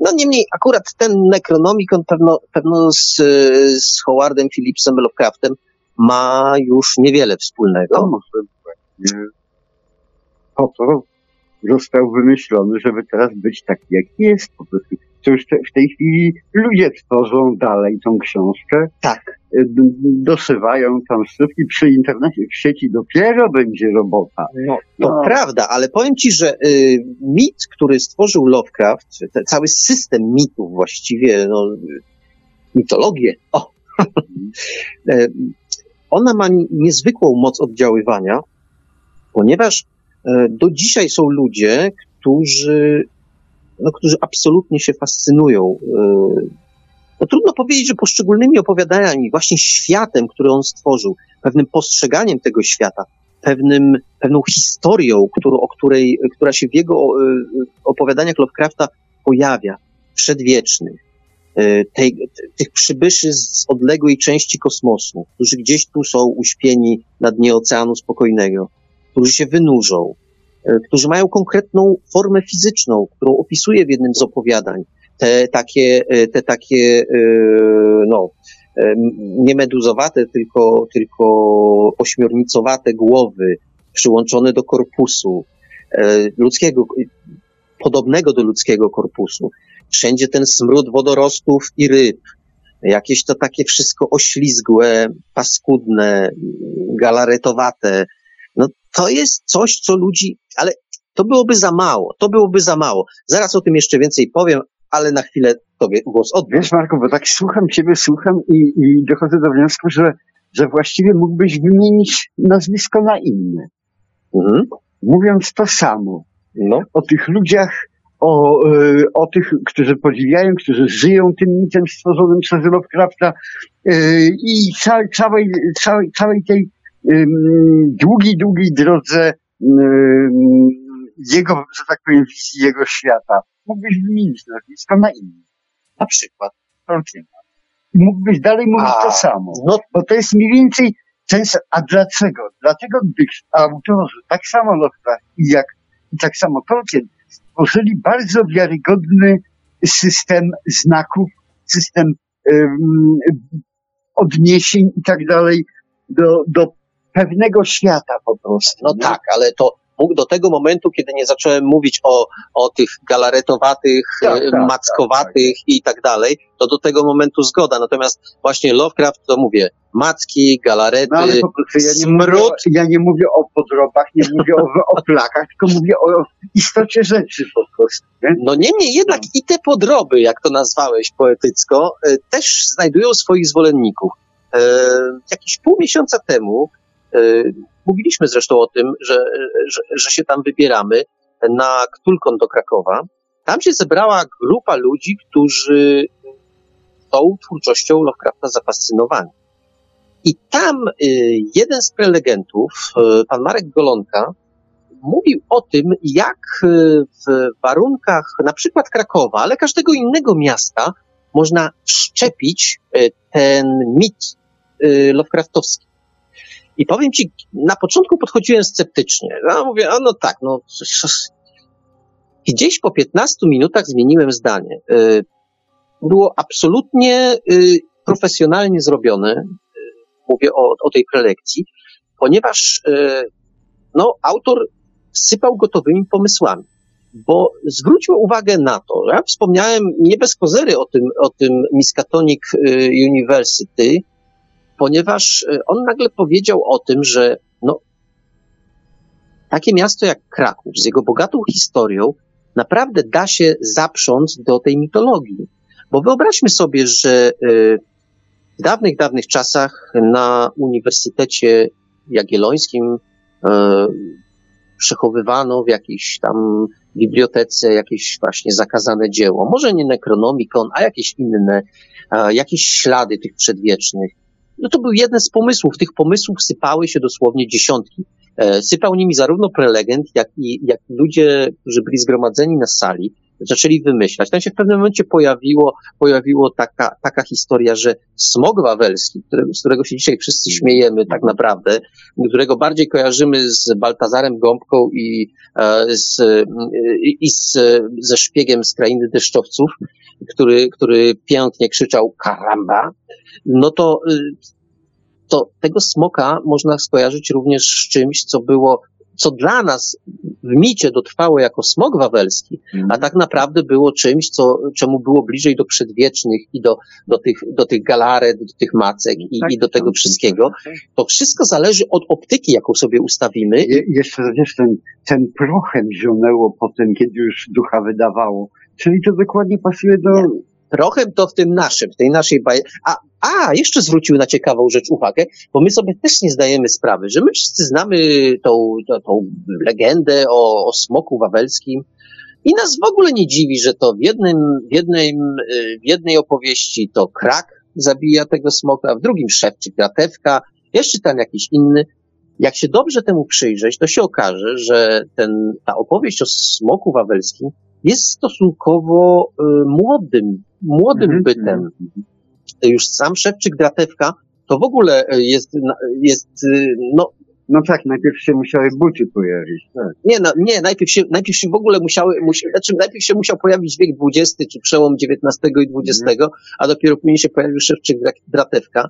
W ogóle to, ale już sam fakt, że tak namieszane jest w tej, y, w tej opowieści, no daje, daje dobry punkt wyjścia do tego, żeby ułożyć historię, że ktoś specjalnie zafałszował e, historię smoka Mhm. wawelskiego, żeby ukryć coś, Mhm. co jest groźne, w czym maczali swe, no nie paluchy, no macki chyba, Mhm. przedwieczni. Dobrze, Marku. E, Ja zadam Ci takie, póki jeszcze czas, takie bardzo proste Póki nas pytanie nie urwało, do, do Twojej wypowiedzi, e, e, którą żeś tutaj tego. Otóż zadam Ci pytanie, co to jest kozera? Bez kozery powiem 500. No, co to A, jest kozera? No nie, a co to jest kozera? Nie? A to sobie zaraz sprawdzę, ale mnie zagiąłeś, przyznaję się, ale Patka po prostu, no, no tak, no wiedziałem, że nic dobrego mnie dzisiaj w czasie audycji nie spotka. No to teraz, no to teraz y, wróćmy jednak do, ja się będę czerwienił tutaj, ponieważ nie wiem, co to jest kozera, ale sprawdzę, obiecuję. Natomiast czas, czas wrócić, y, wrócić do Lovecrafta. Lovecraft, y, a, warto, warto, też powie, warto też powiedzieć o tym, że mm, mamy swoje bydgoskie wejście, jeśli chodzi, jeśli chodzi o Lovecrafta, bo y, pisarz, o którym, o którym w swoim czasie zrobiliśmy całą audycję, mianowicie Jurek Grundkowski, e, w swoim czasie mm, całą taką małą książeczkę wydaną przez, przez metaforę, e, przez bibliotekę metafory, mm, poświęcił właśnie e, takiej historii, która, która mm, właściwie nie, ja się chyba pomyliłem, wiesz, to chyba jednak nie było z Lovecraftem. Mówię, dzisiaj jest jakaś pechowa audycja, bo to chyba jednak z Edgarem Allanem Poe było. Blisko, No, ale blisko, ale przestrze- blisko, ale przestrzelone. No w każdym razie, nie, dobrze, to zostawmy, zostawmy wątek bydgoski. Y, Jeśli chodzi, jeśli chodzi o Lovecrafta, to y, warto, warto powiedzieć, że mm, bardzo wiele osób zarzuca mu, y, myśmy o tym zresztą już zaczynali wspominać, że jego styl jest niestrawny. Ja się y, spotkałem z wieloma osobami i przestaję dziwić, dlaczego niektórzy redaktorzy y, kwestionowali umiejętności pisarskie y, Lovecrafta. Ja ich nie kwestionuję, wręcz przeciwnie, natomiast spotkałem ludzi, którym ten styl rzeczywiście wypełniony, wypełniony przymiotnikami. No ale zostawmy te przymiotniki, bo to najmniejszy problem. Ale taki y, czasami górnolotny, pozbawiony obserwacji psychologicznych, to zresztą, o czym zresztą możemy przeczytać, y, y, przeczytać y, w tym, w tym eseju, y, w tym eseju, który na koniec audycji z przyczyn technicznych będzie dzisiaj, będzie dzisiaj przedstawiony. E, y, To, to jest też rzecz charakter, charakterystyczna dla, dla, dla prozy Lovecrafta, że on, że on faktycznie nie używa uczuć. No, tam nie ma, tam te jego, posta- jego postacie pełnią rolę takich e, chodzących, chodzących dekoracji, które mają prowadzić do odkrycia przez czytelnika Tak, pewnej, pewnej tajemnicy. pasy transmisyjne po prostu, No tak, które tak. przenoszą po prostu tylko znaczenie z, z wyobraźni autora na naszą po prostu, nie? I do tego służą bohaterowie, ale tak jest w każdej książce, w całej literaturze. Bohaterowie są mało ważni, y, chociaż czasami są wspaniali, ale to też nie, nie odbiera im istoty rzeczy, czyli pasa transmisyjna. Wiesz, póki działa nam internet, to sobie sprawdziłem, co to jest ta koze, e, kozera. Znaczeń jest kilka. Dawniej to był powód, przyczyna. Mhm. Mhm. Dalej, drugie znaczenie to jest kolor atutowy w grze w karty. Także karta atutowa, to już w ogóle nie wiedziałem.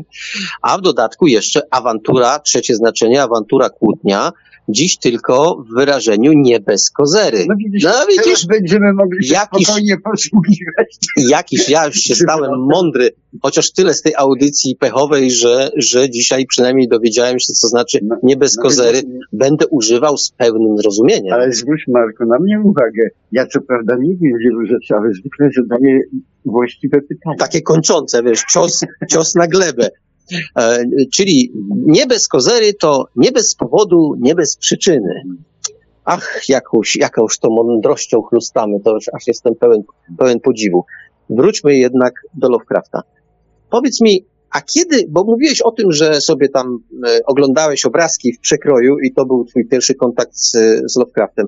Kiedy po raz pierwszy Lovecrafta przeczytałeś albo zdecydowałeś, że go nie przeczytasz do końca? Nie, to wte- wtedy mając te 6-7 lat czytałem tego Lovecrafta. po O, prostu. boskie, to już wydarzenie graniczne. Tak, tak, ale po prostu y, wiesz, y, y,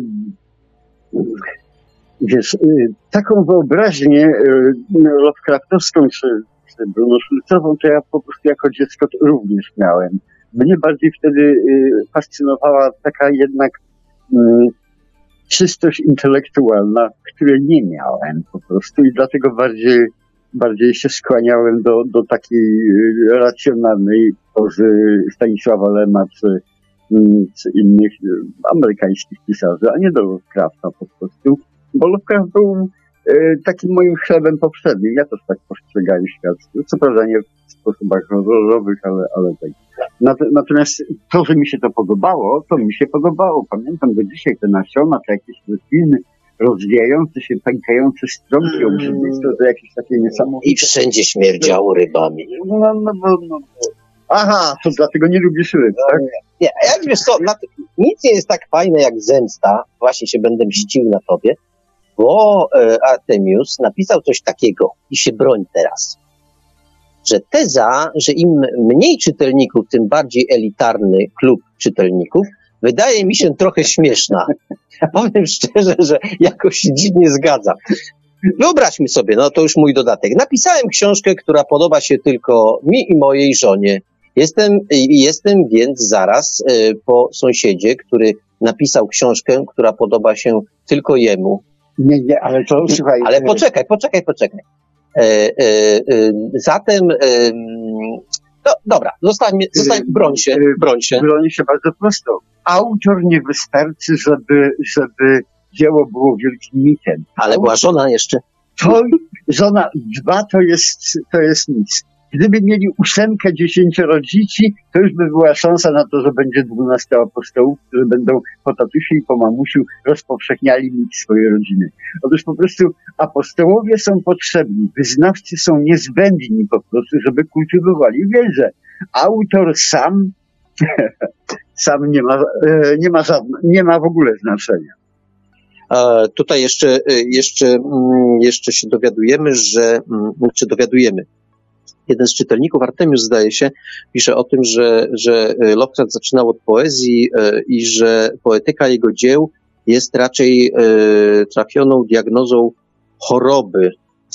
No ja powiem tak, no już opisywaliśmy na początku, trudno się z tym częściowo przynajmniej nie zgodzić. Opisywałem, że nawet sposób, w jaki żył, te, to zasłanianie, zasłanianie z tych zasłon ciężkich, w ogóle chorowitość od dziecka, specyficzny tryb życia, no to był jednak dowód na to, że to był, był postawmy wielki cudzysłów dziwak. No co, no przepraszam, przepraszam, będę, będę tutaj się ustawiał. Ja wiem, ja wiem, ja wiem. Bo co prawda nigdy w życiu nie byłem chorowity i tak dalej, natomiast okna zasłaniam i do tego wychodzę z domu tylko w nocy. Nie dosyć tego, myślę tylko wyłącznie w nocy, czyli e, powoli zaczynam po prostu. Natomiast e, to nie, nie świadczy o niczym, natomiast po prostu pamiętaj o jednym rzeczy, do czego służy światło. Do oślepiania. Dlatego się zasłania okna, po prostu światło oślepia po prostu. Oczywiście w pewnej dawce rozświetla ciemność. Można i tak na to patrzeć, ale w zbyt dużej dawce po prostu oślepia. Wiesz co, ja widzę jeszcze jedną analogię pomiędzy Lovecraftem a to, twoją szanowną osobą. Otóż Lovecraft, podobnie jak ty, nie miał parcia, no dzisiaj się mówi na szkło, ale wtedy to na karty, na karty książek. Tak.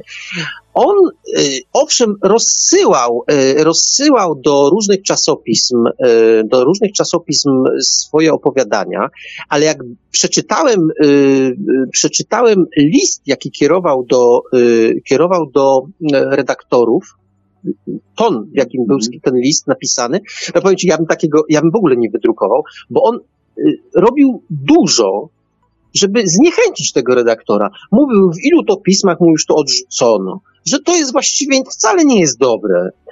I w ogóle to nie poleca mu i że właściwie się wcale nie będzie dziwił, jak zostanie odrzucone. I tak dalej, i tak dalej. No ja dokładnie tego nie mam w tej chwili pod ręką, nie mogę tego przytoczyć, ale to mniej więcej ta poetyka. Trochę, skąd podobieństwo? No bo Wiktor y, najbardziej zapala się i najbardziej podekscytowany jest wtedy, Kiedy mogę opowiedzieć komuś swój pomysł, a właściwie Tak. po cholerę mam pisać.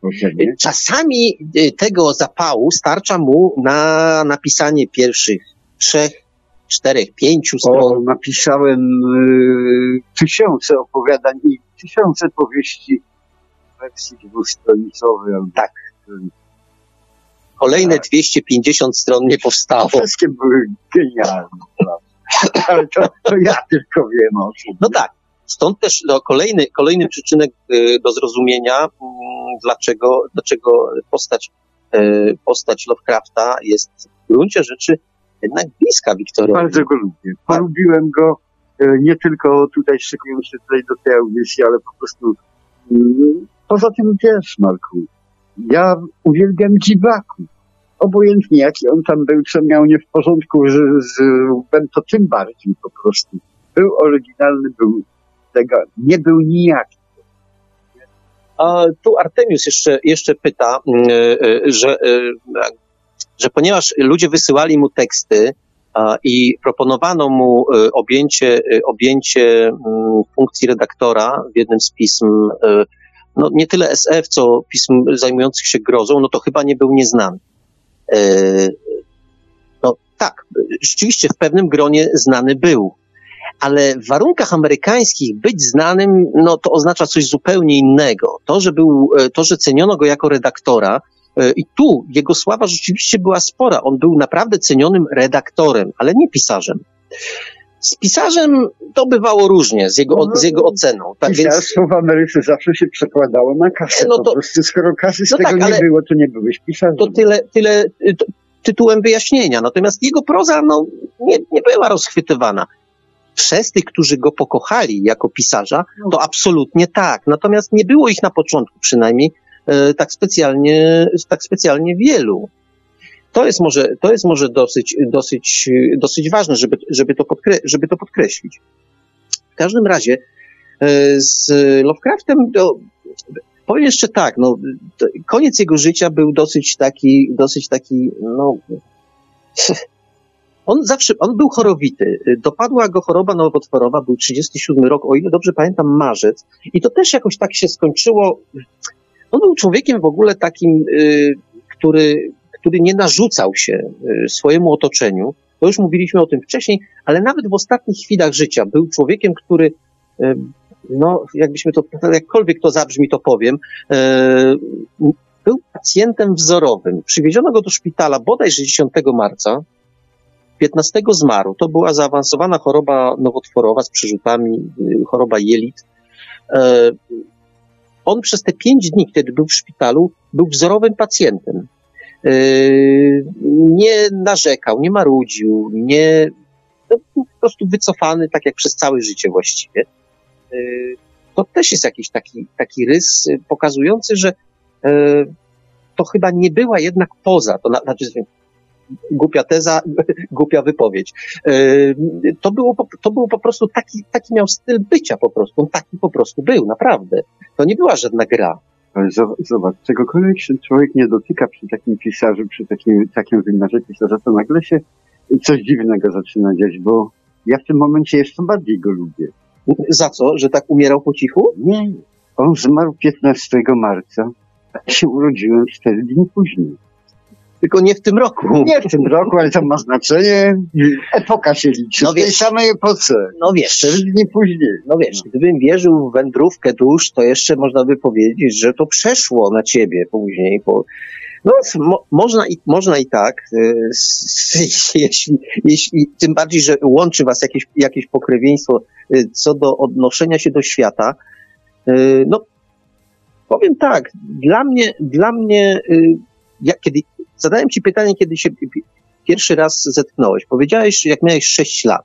No ale wybacz, Wiktor, no choć na pewno byłeś genialnym dzieckiem, nie wątpię w to w ogóle, natomiast no, nie wierzę, nie wierzę w to, że sześciolatek, który przeczytał e, którykolwiek z opowiadań Lovecrafta, e, mógł za dużo zrozumieć. Ale rozum tutaj nie był do niczego Ja potrzebny. wiem. ja pamiętam wtedy y, dokładnie, pamiętam jak ja odbierałem te opowiadania. Nic nie rozumiałem, natomiast wrażenie, wrażenie kolorytu, I magii te, I tego smród ryb.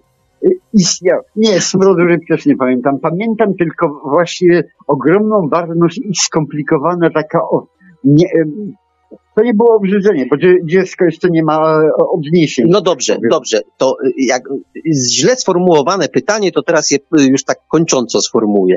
Kiedy świadomie przeczytałeś Lovecrafta? Nigdy. Dziękujemy. Tam to mi wystarczyło dopiero w tej chwili, że tak powiem, e, mając tam z górą, e, zajrzałem sobie, pamiętam parę razy do, do jakiegoś, pamiętam tej przez ten sobie patrzeć do opowiadanka i dalej uważam, że przy całej niezręczności i różnych rzeczach one są fascynujące, one są fenomenalne, po prostu gdyż, e, mm, gdyż no po prostu facet pisał to, co myślał i wiedział, co chce, jakie wrażenie ma odnieść czytelnik, żeby mm, tak, tak to. Wiesz, wspominaliśmy już dzisiaj o tym, y, o tej zadziwiającej, no nie, no nie jest zadziwiająca, no jakoś ona mnie nie dziwi, chociaż niektórzy tym mianem właśnie określają, więc powtarzam, zadziwiającej, y, zadziwiającym połączeniu y, grozy i science fiction Lovecraft. Ja mówię, ja ci powiedziałem, to jest, była epoka przejściowa. Stare zostały wymienione przez nowe, a Lovecraft był tą formą przejściową. No tak, ja, ro, ja, ja rozumiem, ja rozumiem, ale y, przyznasz, że, bo wiesz, y, kiedy Lovecraft y, tworzył swoje, swoje opowieści ze Cthulhu, y, kolor przestworzy, to dawno już funkcjonowały na rynku takie książki jak na przykład Księżniczka Marsa, albo na przykład y, y, Toborosa, albo, albo na przykład, y, no zawsze zapominam jego nazwiska, ten od, ten od więźnia na Marsie. Lerouche, Lerouche, tak, tak, jakiś więzień na Marsie. To były jednak inne klasy opowieści. Tam też, no, Lerouche też stara się jakiś element grozy wprowadzać, jakieś wampiro podobne i tak dalej. Na tym Marsie się szwędają ale jednak to nie było to, to jednak były zupełnie inne opowieści. No księżniczka... No tamte to były rewolwerowe, komiksowe opowieści, że tak powiem, fabularne, no natomiast tak. Lovecraft tworzył przede wszystkim, tak jak mówię, psychologizm żaden, natomiast atmosfera, tak. nastrój, e, nastrój e, ogromny, ekspresja tego całego. Ja powiem tak, że w dodatku to jest, odnoszę takie wrażenie, że mm, z Lovecraftem mm, to jest człowiek, który może być potwierdzeniem dla tych piszących, to jakby taka wycieczka w stronę ABW, dla tych wszystkich piszących, którzy mówią, że e, dla nich najważniejszy jest e, w prozie nastrój. Mhm. No, co? Ja nigdy tego tak nie czułem, ale teraz, jak, no może nie teraz, ale zaczynam to, zaczynam to e, przez pryzm, patrząc przez pryzmat opowiadań Lovecrafta bardziej to, bardziej to rozumiem. Tak, bo to jest najważniejsze, chociaż, że tak powiem, za tym nie idzie y, sława ani popularność, bo y, pisz, y, dbając o nastrój upuszczasz, że tak powiem, tempo akcji, rozrywkowość i tak dalej. I w tym momencie, no, będziesz doceniony przez smakosze, że tak powiem, tak samo jak jest doceniony Lovecraft, natomiast popularności, że tak powiem, E, masowej nigdy nie zdobędziesz, no bo masa nastrojem się nie żywi. No. To prawda, to prawda. E, no cóż, e, ja myślę, ja myślę przede wszystkim... Chociaż, przepraszam, tak? Powiedziałem, że masa nastrojem się nie żywi. A zapomniałem, że przecież na przykład te panika na giełdzie amerykańskiej, no to była wspaniała właśnie dowód na to, że masa potrafi żyć również nastrojem, nie? Paniką. To tak. No dobrze, wiesz co, ja myślę, że, że y, dzisiejsza audycja y, jakoś tak w sposób niezamierzony, y, w sposób niezamierzony okazała się niezwykle pechowa pod różnym, pod różnym względem. E, na szczęście, na szczęście y, na temat Lovecrafta powie coś, a właściwie, właściwie mm, za pośrednictwem Marka mm, przekaże, przekaże swoje myśli. Y, autor, autor y, takiego rozbudowanego eseju przeciw światu, przeciw życiu, który właśnie o, o, o, o życiu, o prozie Lovecrafta opowiada. E, dlatego mówię, myślę, że powie to przynajmniej w sposób bardziej uporządkowany. Bardzo polecam, polecam tę książkę. My już chyba dzisiaj mm, postaramy się, postaramy się wymiksować nie w pełni usatysfakcjonowani, bo tematów mamy w gruncie rzeczy y, jeszcze, jeszcze sporo, ale. Wiesz, y, temat y, Lovecraft, co wiesz, jaki to jest temat Marek, tak naprawdę to jest taka głęboka studnia, gdzie dna nie wiadomo. Po środku są opary, zapachy ryb stęchłych i tak dalej, a do dna jest daleko, daleko, daleko i być może nigdy tam nie dojrzymy, nie dotrzemy, ale wyznawcy Lovecrafta znajdą tego No dobrze, to wiesz co, y, dzisiaj troszkę wcześniej, dzisiaj troszkę wcześniej niż zwykle, ale to jeszcze nie koniec audycji, bo powtarzam jeszcze przynajmniej y, ze 30 minut, 30 y, minut tego eseju o Lovecraftie. Bardzo, bardzo do niego zapraszamy i zachęcamy. My się będziemy żegnać dzisiaj już. Troszeczkę mówiąc szczerze, nieusatysfakcjonowani tym wszystkim, co się, co, co się dzisiaj działo ale tak już niestety, tak już niestety. Tak już... Zaraz mnie to bijesz. Mówiąc o Lovecraftie i hmm? że, że tam a, Wiktora niestety słabo słychać. Jeszcze raz, przepraszam Marku, nie słyszeliśmy? Wiktora Halo? dosyć słabo słychać. Wiktora słabo słychać. No, mnie słabo słychać, bo już wydaje ostatnie tchnienie. Natomiast po prostu, e, wiesz, e, powiedziałeś, że będziemy się żegnać, Marku. A, to, to już na szczęście e, da się, da się w dosyć prosty sposób wyjaśnić. Dobrze, to ja myślę, to ja myślę, że w tej chwili, w tej chwili już chyba nadszedł ten czas, żebyśmy dzisiejszą audycję skończyli, bo myślę, że jakieś pasmo, pasmo pasmo różnych, różnych niepowodzeń należy, należy w końcu przerwać. E, cóż, zapraszamy, zapraszamy za tydzień na ABW. E, sporo, sporo opowiadań się nie nazbiera, nazbierało. Co więcej, e, mamy taki mały remanent, bo jednak z przyczyn technicznych, no właściwie przeze mnie zawinionych częściowo, jedno opowiadanie kamienne jeszcze się ostało. Zaprezentujemy je w takim razie w najbliższym odcinku y, ABW. No cóż, a za dwa tygodnie miejmy nadzieję, że z lepszym, y, z lepszym rezultatem, mniej w każdym razie mniej będziemy, będzie przerywać, e, porozmawiamy o książce no, z jakby zupełnie innej rzeczywistości, chociaż y, do science fiction nawiązującej, a mianowicie do, do książki Richarda, Richarda Morgana,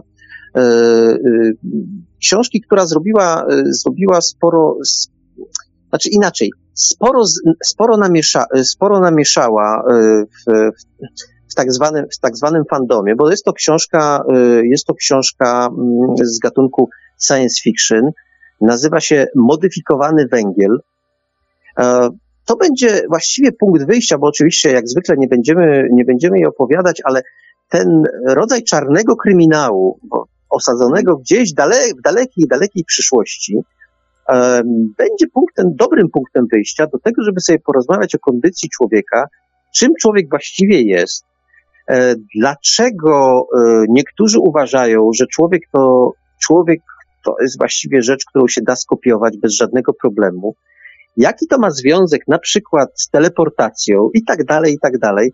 Myślę, że sporo będzie w, ty, w tym odcinku filozofii, mm, fantastyki też trochę, SF, ale, ale w gruncie rzeczy y, powieść Morgana jest dobrym punktem wyjścia do tego, żeby sobie w ogóle porozmawiać o człowieku, tak jak już powiedziałem, do tego, jacy jesteśmy, y, do tego, co nas nakręca, do tego, y, czy czasami brak nie jest ważniejszy od posiadania czegoś, czy czasami to, że jesteśmy że możemy, moglibyśmy być nieśmiertelni, nie sprawi, że staniemy się nieludzcy.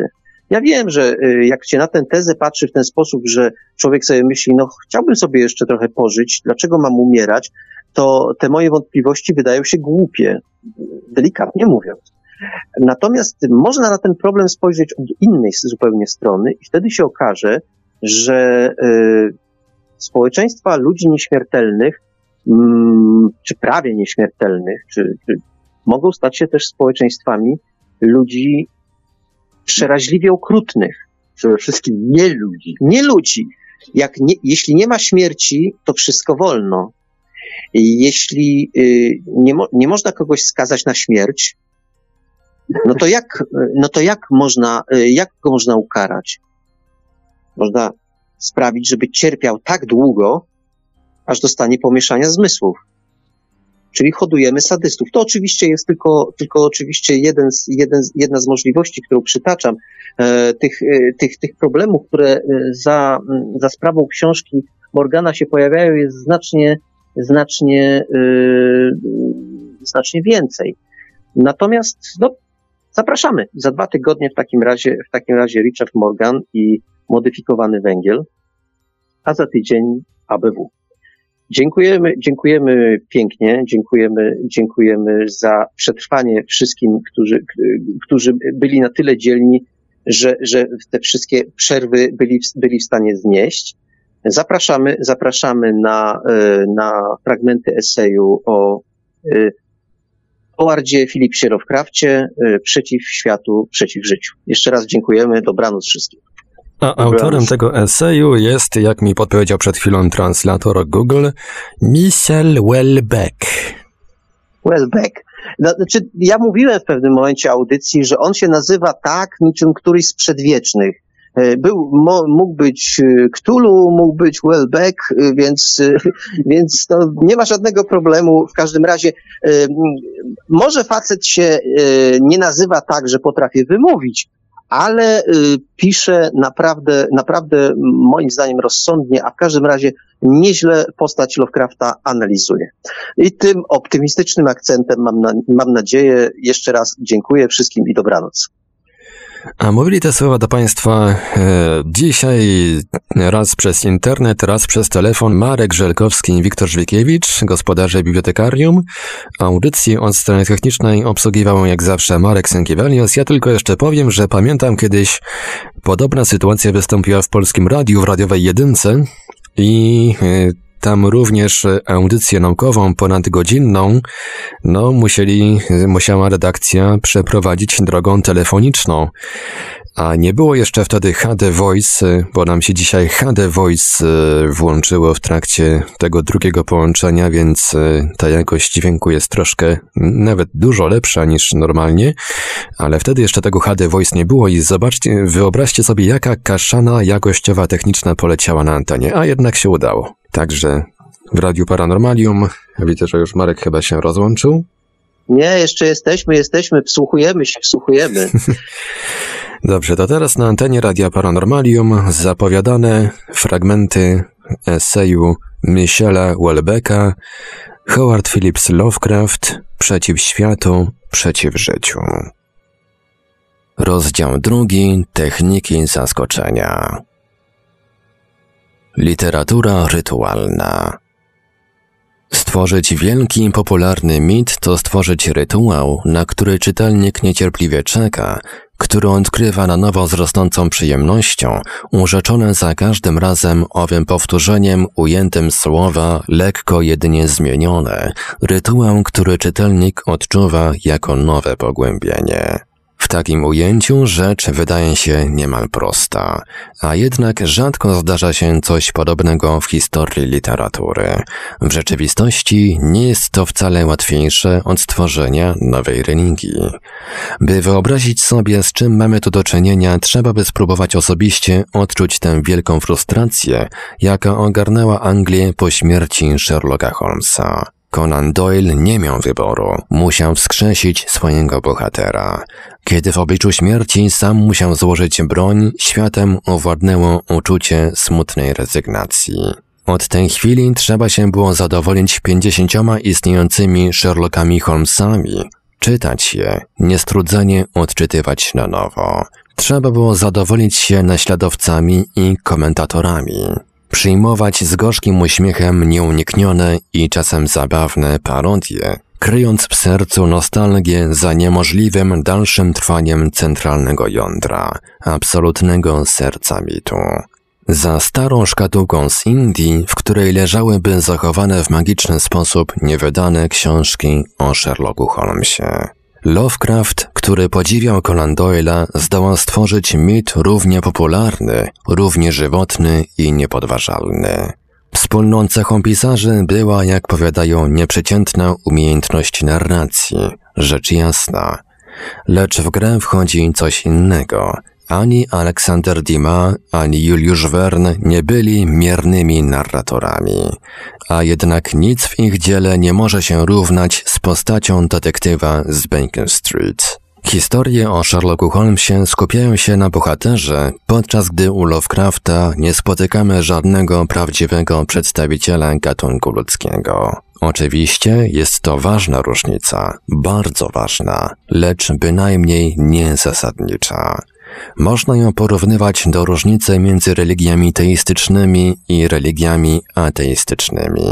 To, co zbliża ich w naprawdę fundamentalny sposób, ów w gruncie religijny aspekt jest wyjątkowo trudne do zdefiniowania. Trudno byłoby nawet stanąć z nim twarzą w twarz. Drobna różnica, którą również można odnotować, nieznaczna z punktu widzenia historii literatury, tragiczna dla osoby, polega na tym, że Conan Doyle miał dość okazji, by zdać sobie sprawę, że oto tworzy coś w rodzaju autentycznej mitologii. Lovecraft nie. W chwili śmierci ma nieodparte wrażenie, że jego dzieło zginie wraz z nim. A przecież ma już uczniów, lecz nie traktuje ich w ten sposób. Owszem, korespondując z młodymi pisarzami, Bloch, Belknap, Long, lecz niekoniecznie radzi im wkroczyć na tę samą drogę. Nie uważa się za mistrza czy wzór do naśladowania. Ich pierwsze próby ocenia z wyjątkową delikatnością i skromnością. Będzie dla nich prawdziwym przyjacielem, taktownym, ujmującym i miłym, nigdy intelektualnym mistrzem. Lovecraft, absolutnie niezdolny, by pozostawić jakikolwiek list bez odpowiedzi, nie monitorujący dłużników, kiedy nie płacą mu za wykonane korekty, systematycznie lekceważący swój wkład w opowiadania, które bez niego nawet by nie powstały, Lovecraft przez całe życie będzie się zachowywał jak prawdziwy dżentelmen. Oczywiście chciałby zostać pisarzem, lecz nie za wszelką cenę. W roku 1925 w chwili przygnębienia notuje.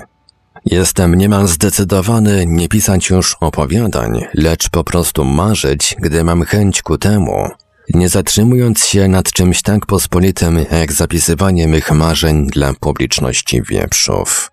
Stwierdziłem, że literatura nie jest zajęciem stosownym dla dżentelmena i że pisanie musi być traktowane jedynie jako elegancka sztuka, której należy się oddawać nieregularnie i z dystansem. Koniec cytatu. Na szczęście będzie kontynuował, a jego największe opowiadania powstaną już po tym liście. Ale do końca pozostanie przede wszystkim starym, uprzejmym gentlemanem urodzonym w Providence w Rhode Island. I nigdy, ale to nigdy zawodowym pisarzem.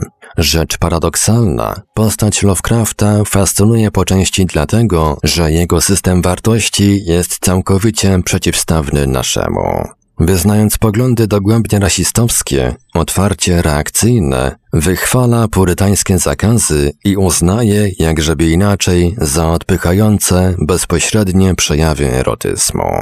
Zdecydowany przeciwnik komercji gardzi pieniądzem, uważa demokrację za głupotę, a postęp za iluzję.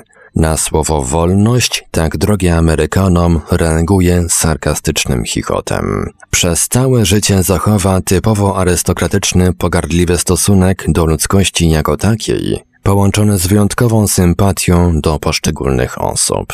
Tak czy inaczej, wszyscy, którzy mieli do czynienia z Lovecraftem osobiście, odczuli ogromny smutek na wieść o jego śmierci.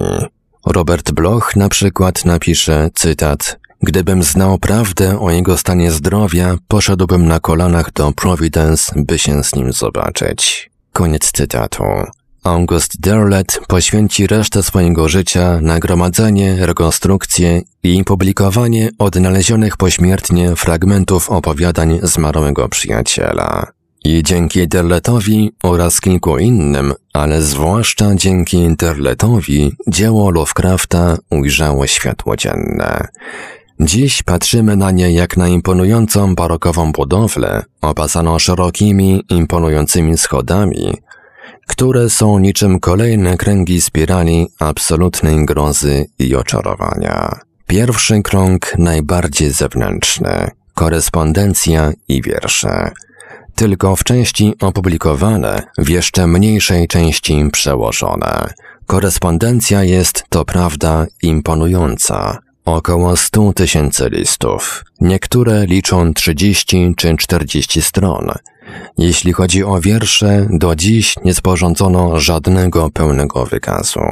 Drugi krąg zawierałby opowiadania, w których pisaniu Lovecraft brał udział, czy to w przypadku, gdy od początku pisanie miało formę współpracy, jak z Kennethem Sterlingiem czy Robertem Barlowem, czy wtedy, gdy autor mógł korzystać z poprawek Lovecrafta. Przykłady niezwykle liczne. Współpraca Lovecrafta przybiera tu różne formy, czasem posuwa się do napisania tekstu zupełnie od nowa. Można tu dorzucić opowiadania napisane przez Terleta na podstawie notatek i fragmentów pozostawionych przez Lovecrafta. W trzecim kręgu docieramy do opowiadań rzeczywiście napisanych przez Howarda Phillipsa Lovecrafta. Tu rzecz jasna, każde słowo się liczy. Całość jest opublikowana po francusku i nie możemy już mieć nadziei, że się powiększy. Wreszcie możemy w sposób bezsporny wyznaczyć czwarty krąg, absolutne jądro mitu HPL, na który składają się teksty nazywane wciąż przez najbardziej wytrwałych miłośników Lovecrafta jakby wbrew nim samym wielkimi tekstami. Wymieniam je dla czystej przyjemności wraz z datą napisania. Ze Wktulu 1926 rok, Kolor z przestworzy 1927, Koszmar w Dunwich 1928, Szepczący w ciemności 1930, W górach szaleństwa 1931, Sny w domu wiedźmy 1932, Widmo nad Innsmouth 1932 i Cień spoza czasu 1934. Nad całością budowli wzniesionej przez Lovecrafta unosi się jeszcze, niczym warstwa ruchomych mgieł, dziwny cień jego własnej osobowości. Możemy uznać za przesadną, wręcz chorobliwą atmosferę kultu, jaka otacza jego postać, jego czyny, każdy z jego tekstów. Lecz zmienimy zdanie, mogę to zagwarantować, kiedy zagłębimy się w wielkie teksty. Jest czymś naturalnym składać hołd człowiekowi, który wyświadcza nam tyle dobrodziejstw. Nie zapomniały o tym kolejne pokolenia miłośników Lovecrafta. I jak to się dzieje zawsze, postać pustelnika z Providence stała się dziś niemal równie mityczna jak jego kreacje. Rzecz nadzwyczajna, wszystkie próby demistyfikacji spełzły na niczym. Żadna szczegółowa biografia nie zdołała rozwiać nimbu patetycznej dziwności, jaki otacza tę postać. Zaś Sprague de Camp po napisaniu 500 stron musi wyznać, nie do końca zrozumiałem, kim był H.P. Lovecraft. Bez względu na to, jak na niego patrzymy, Howard Phillips Lovecraft był naprawdę bardzo szczególną istotą ludzką. Dzieło Lovecrafta można porównać do gigantycznej maszyny marzeń, niespotykanych rozmiarów i ogromnej skuteczności. Ani chwili spokoju czy dystansu w jego literaturze. Oddziaływanie na świadomość czytelnika jest to brutalne, dzikie, przerażające i rozprasza się niebezpiecznie wolno.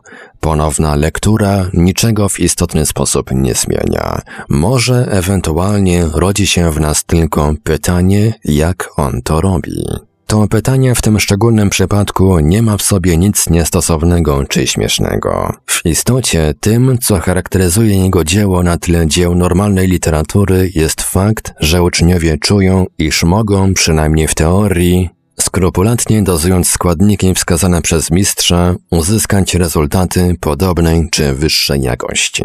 Nikt nigdy nie próbował na serio kontynuować Prousta. Lovecrafta, owszem, i nie chodzi tylko o drugorzędne dzieła mające charakter hołdu czy parodii, lecz o autentyczną kontynuację, co jest przypadkiem wyjątkowym w historii współczesnej literatury.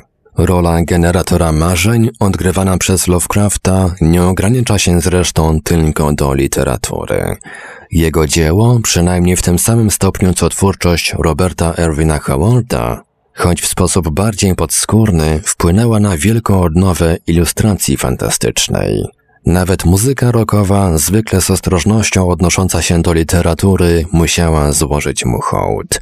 Hołd potęgi dla potęgi, mitologii dla innej mitologii. Gdy chodzi o wpływ pism Lovecrafta na domenę architektury czy kino, jest on całkiem oczywisty dla wrażliwego czytelnika. Chodzi naprawdę o całkiem nowy świat, który trzeba zbudować. Stąd waga podstawowego budulca i sposobów wiązania, by przedłużyć trwanie.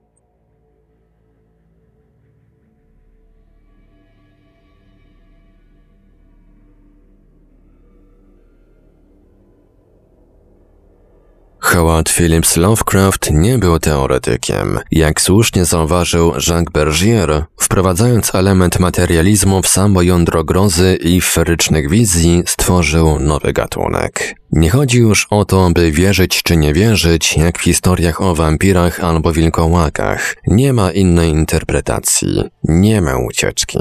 Żaden autor fantastyki nie jest mniej psychologiczny, mniej dyskusyjny.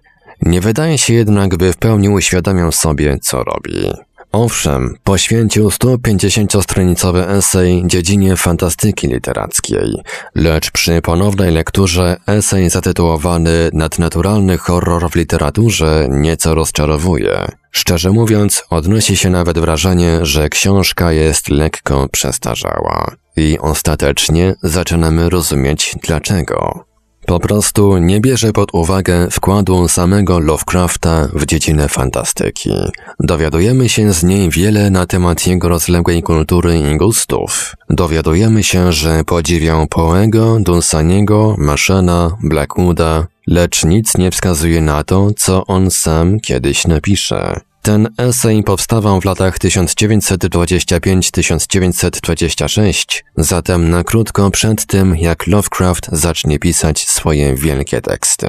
Jest w tym prawdopodobnie coś więcej niż zwykła zbieżność. Bez wątpienia odczuł potrzebę, pewnie nieświadomą, która być może nie była nawet podświadoma, Powiedzielibyśmy raczej potrzebę organiczną, by podsumować wszystko to, czego dokonano w dziedzinie fantastyki, by doprowadzić do eksplozji, wkraczając na całkiem nowe ścieżki.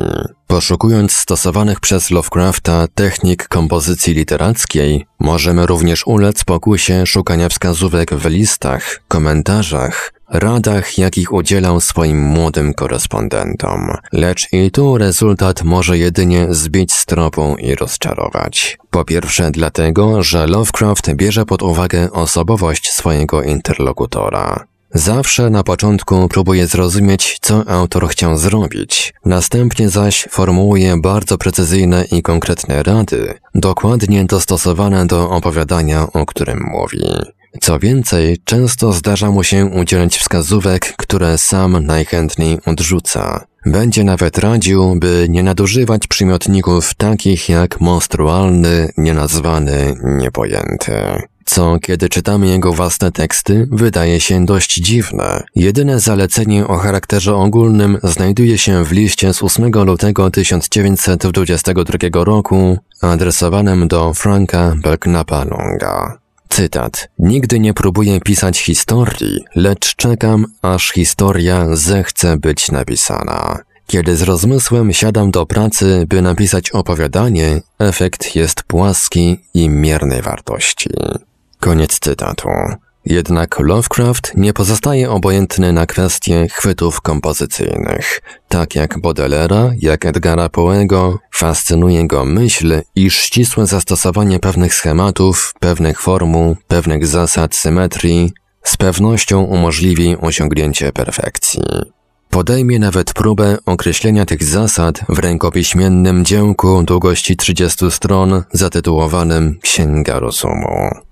W pierwszej, bardzo krótkiej części udziela ogólnych rad na temat sposobu pisania opowiadania, fantastycznego czy nie. Próbuje następnie ustalić typologię podstawowych elementów wywołujących przerażenie, użytecznych w opowiadaniu grozy. Jeśli chodzi o ostatnią część dzieła, zdecydowanie najdłuższą, składa się na nią seria notatek, pochodzących z lat 1919-1935, z których każda zawiera się na ogół w jednym zdaniu i może służyć za punkt wyjścia do fantastycznej opowieści. Ze zwykłą sobie wielkodusznością Lovecraft chętnie użyczał przyjaciołom swoich rękopisów, zalecając, by bez skrępowania posłużyli się tym czy innym pomysłem jako punktem wyjścia do dzieł ich własnego pióra.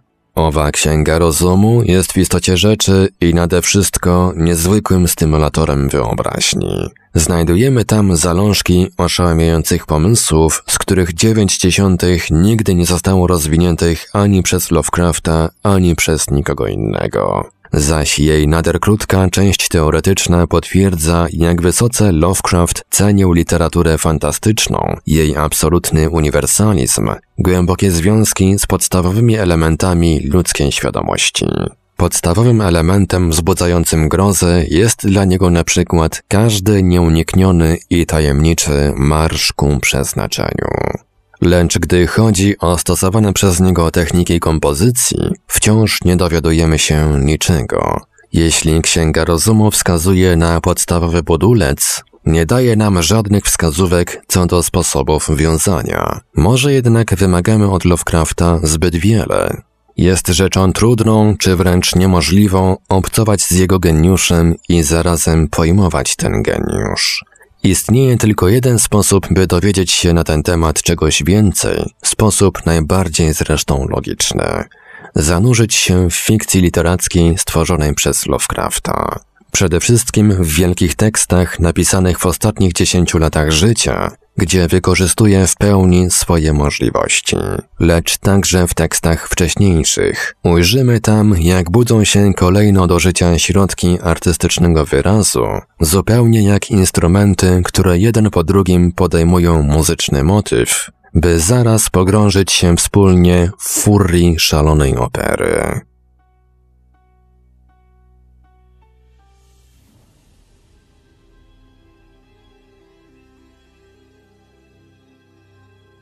Wtedy zobaczycie potężną katedrę.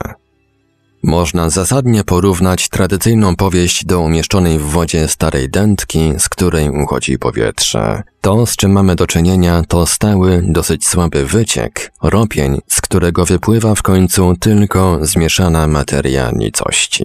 Lovecraft energicznie kładzie dłoni na niektórych miejscach tej dętki, seks, pieniądze, skąd nic nie powinno wydobyć się na powierzchnię. To technika zacisku. Efektem w wybranych przez niego miejscach jest potężny strumień, niezwykły wykwit obrazów. Być może tym, co przy pierwszej lekturze tekstów Lovecrafta robi największe wrażenie, są opisy architektury w opowiadaniach Cień spoza czasu oraz W górach szaleństwa. Tu, bardziej niż w innych tekstach, stajemy w obliczu całkiem nowego świata. Nawet strach znika. Znikają wszelkie ludzkie uczucia poza fascynacją, która po raz pierwszy przybiera tak wyrazistą formę. Jednak w podziemiach wymyślonych przez Lovecrafta gigantycznych cytadeli czają się istoty z koszmarnego snu. Wiemy to, lecz o tym zapominamy, jak zdarza się zapomnieć jego bohaterom, którzy suną jak we śnie ku katastrofalnemu przeznaczeniu, niesieni czystą estetyczną eksaltacją. Lektura tych opisów w pierwszej chwili pobudza, potem jednak zniechęca do wszelkich prób adaptacji wizualnej, malarskiej czy filmowej. Obrazy przenikają na poziom świadomości, lecz żaden nie wydaje się dość wzniosły, dość monumentalny, żaden nie dorównuje snom. Jeśli chodzi o nawiązania architektoniczne w prawdziwym tego słowa znaczeniu, do dziś nikt nie spróbował czegoś podobnego. Załóżmy, że ten czy ów młody człowiek, urzeczony lekturą opowiadań Lovecrafta, postanowi studiować architekturę, by potem urzeczywistniać jego fantazję. Prawdopodobnie rozczaruje się i nie odniesie sukcesu. Nijaka i pozbawiona wyrazu funkcjonalność nowoczesnej architektury, upór z jakim trwa ona przy prostych i ubogich formach, używa zimnych i tandetnych materiałów, nie są dziełem przypadku. I nikt, przynajmniej przez kilka następnych pokoleń, nie wzniesie ferycznych koronek pałacu Irem. Odkrywamy architekturę stopniowo i pod różnymi kątami, przemieszczamy się wewnątrz. Oto, czego nigdy nie odda żaden obraz, ani nawet film. Ten cechę snu Howard Phillips Lovecraft w zadziwiający sposób zdołał odtworzyć w swoich opowiadaniach. Lovecraft, urodzony architekt, jest tylko w niewielkim stopniu malarzem. Jego kolory nie są tak naprawdę kolorami, to raczej klimaty, czy dokładniej światła, których jedyną funkcją jest wydobycie opisanych przez niego elementów architektury. Szczególnie pociągają go nikłe blaski cienkiego sierpa księżyca, ale nie gardzi też krwawą, purpurową eksplozją romantycznych zachodów słońca czy krystaliczną tonią niedostępnego błękitu. Cyklopowe, szalone struktury wyobrażone przez Lovecrafta wywołują w umyśle gwałtowny i nieodwracalny wstrząs, jeszcze bardziej gwałtowny, i to jest paradoksalne, niż wspaniałe rysunki architektury Piranesiego czy Monsieur Desideria. Mamy wrażenie, że zwiedzaliśmy już we śnie te gigantyczne miasta. W rzeczywistości Lovecraft opisuje jedynie najlepiej jak potrafi swoje własne sny. Później, stając przed wyjątkowo imponującym dziełem architektury, myślimy ze zdumieniem, to coś w stylu Lovecrafta. Pierwszy powód sukcesu pisarza na tym polu stanie się jasny, gdy tylko przejrzymy jego korespondencję.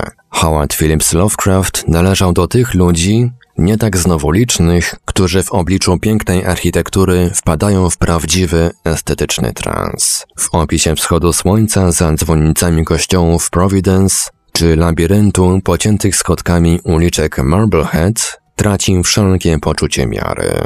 Mnoży przymiotniki i wykrzykniki, przywołuje na pamięć fragmenty inkantacji, pierś rozpiera mu entuzjazm, obrazy następują jedne po drugich, pogrąża się w prawdziwym delirium ekstazy. Oto kolejny przykład, w jaki sposób w liście do ciotki opisuje swoje pierwsze wrażenia z Nowego Jorku. Cytat. Omal nie zemdlałem z zachwytu, podziwiając ten widok. Ta wieczorna sceneria niezliczonych blasków drapaczy chmur, migotliwych refleksów i świateł statków sunących po wodzie, na lewym skraju błyszcząca statua wolności, a na prawo migocący łuk bruklińskiego mostu. Było to coś znacznie potężniejszego od legendarnych snów Starego Świata, jakże piekielnie wzniosła konstelacja, istny poemat w ogniach Babilonu. Wszystko to było tłem dla dziwnych świateł, dziwnych odgłosów portu, w którym wymiana z całym światem sięga szczytów. Okrętowe syreny, dzwonki, w dali zgrzyt kabestanów, wizje odległych wybrzeży Indii, gdzie ptaki o lśniących piórach budzi do śpiewu kadzidło z dziwnych pagód w ogrodach, gdzie przed tawernami z drzewa sandałowego poganiacze wielbłądów w swoich barwnych szatach handlują z marynarzami o gardłowych głosach, o oczach, w których odbija się cała tajemnica morza. Jedwabie i przyprawy, zręcznie grawerowane złote ozdoby z Bengalu, bogowie i słonie umiejętnie rzeźbione w nefrycie i krwawniku. Ach, mój Boże, pozwól mi wyrazić magię owej sceny. Koniec cytatu. Podobnie, patrząc na dachy Salem w kształcie kopu, ujrzy purytańską procesję ludzi ubranych na czarno, o surowych twarzach, w dziwnych stożkowych kapeluszach, którzy wloką na stos starą krzyczącą kobietę. Przez całe życie Lovecraft będzie marzył o podróży do Europy, na którą nigdy sobie nie pozwoli. A przecież, jeśli był w Ameryce ktoś zdolny docenić skarby architektury Starego Świata, mógł być nim tylko on. Kiedy mówi, że omal nie zemdlał z zachwytu, nie przesadza. Całkiem serio oznajmi Kleinerowi, że człowiek przypomina koralowy polip, że jego jedynym przeznaczeniem jest wznosić wielkie budowle, wspaniałe, mineralne, by księżyc mógł oświetlać je po jego śmierci. Z powodu braku pieniędzy Lovecraft nie opuści Ameryki. Ledwie uda mu się wyjechać z Nowej Anglii. Lecz biorąc pod uwagę gwałtowność jego reakcji na widok Kingsport czy Marblehead, można stawiać sobie pytanie, co odczułby, gdyby znalazł się nagle w Salamance czy przed katedrą Notre Dame w Chartres. Bowiem architektura ze snu, którą nam opisuje, jest, jak architektura gotyckich czy barokowych katedr, architekturą totalną. Śmiała harmonia płaszczyzn i brył oddziałuje z mocą, ale także wieżyczki, minarety, zawieszone nad przepaściami mosty są aż przeładowane bujnym ornamentem, kontrastującym z olbrzymimi powierzchniami gładkiego, nagiego kamienia. Płaskorzeźby i freski zdobią gigantyczne sklepienia, pod którymi przez kolejne pochyłe powierzchnie schodzi się ku wnętrznościom ziemi. Jedne przedstawiają wielkość schyłek jakiejś rasy, inne, prostsze i bardziej geometryczne, zdają się sugerować zatrważające, mistyczne wizje. Architektura Lovecrafta, podobnie jak architektura wielkich katedr czy hinduskich świątyń, jest czymś znacznie więcej niż tylko matematyczną grą brył. Jest w całości przesycona ideą odwiecznej dramaturgii, dramaturgii mitycznej, która nadaje sens budowli, która nadaje teatralny wymiar każdej cząstce przestrzeni, korzysta z zasobów wszystkich sztuk plastycznych, wykorzystuje dla swych celów magiczną grę świateł. Jest to architektura żywa, gdyż wyrasta z żywej i emocjonalnej koncepcji świata. Innymi słowy, jest to architektura sakralna. I to by było na tyle w dzisiejszym bibliotekarium. Niestety, Ktulu bardzo aktywnie nam przerywał, połączenie usiłował nam przeszkodzić, jak tylko się dało, w zrealizowaniu tej audycji, no ale my się nie poddaliśmy. Dokończyliśmy, co prawda przez telefon, ale jednak przepraszamy najmocniej za te wpadki techniczne, no i dziękujemy oczywiście za uwagę, zapraszając na kolejne bibliotekarium, tym razem w wydaniu podcastowym ABW już za tydzień.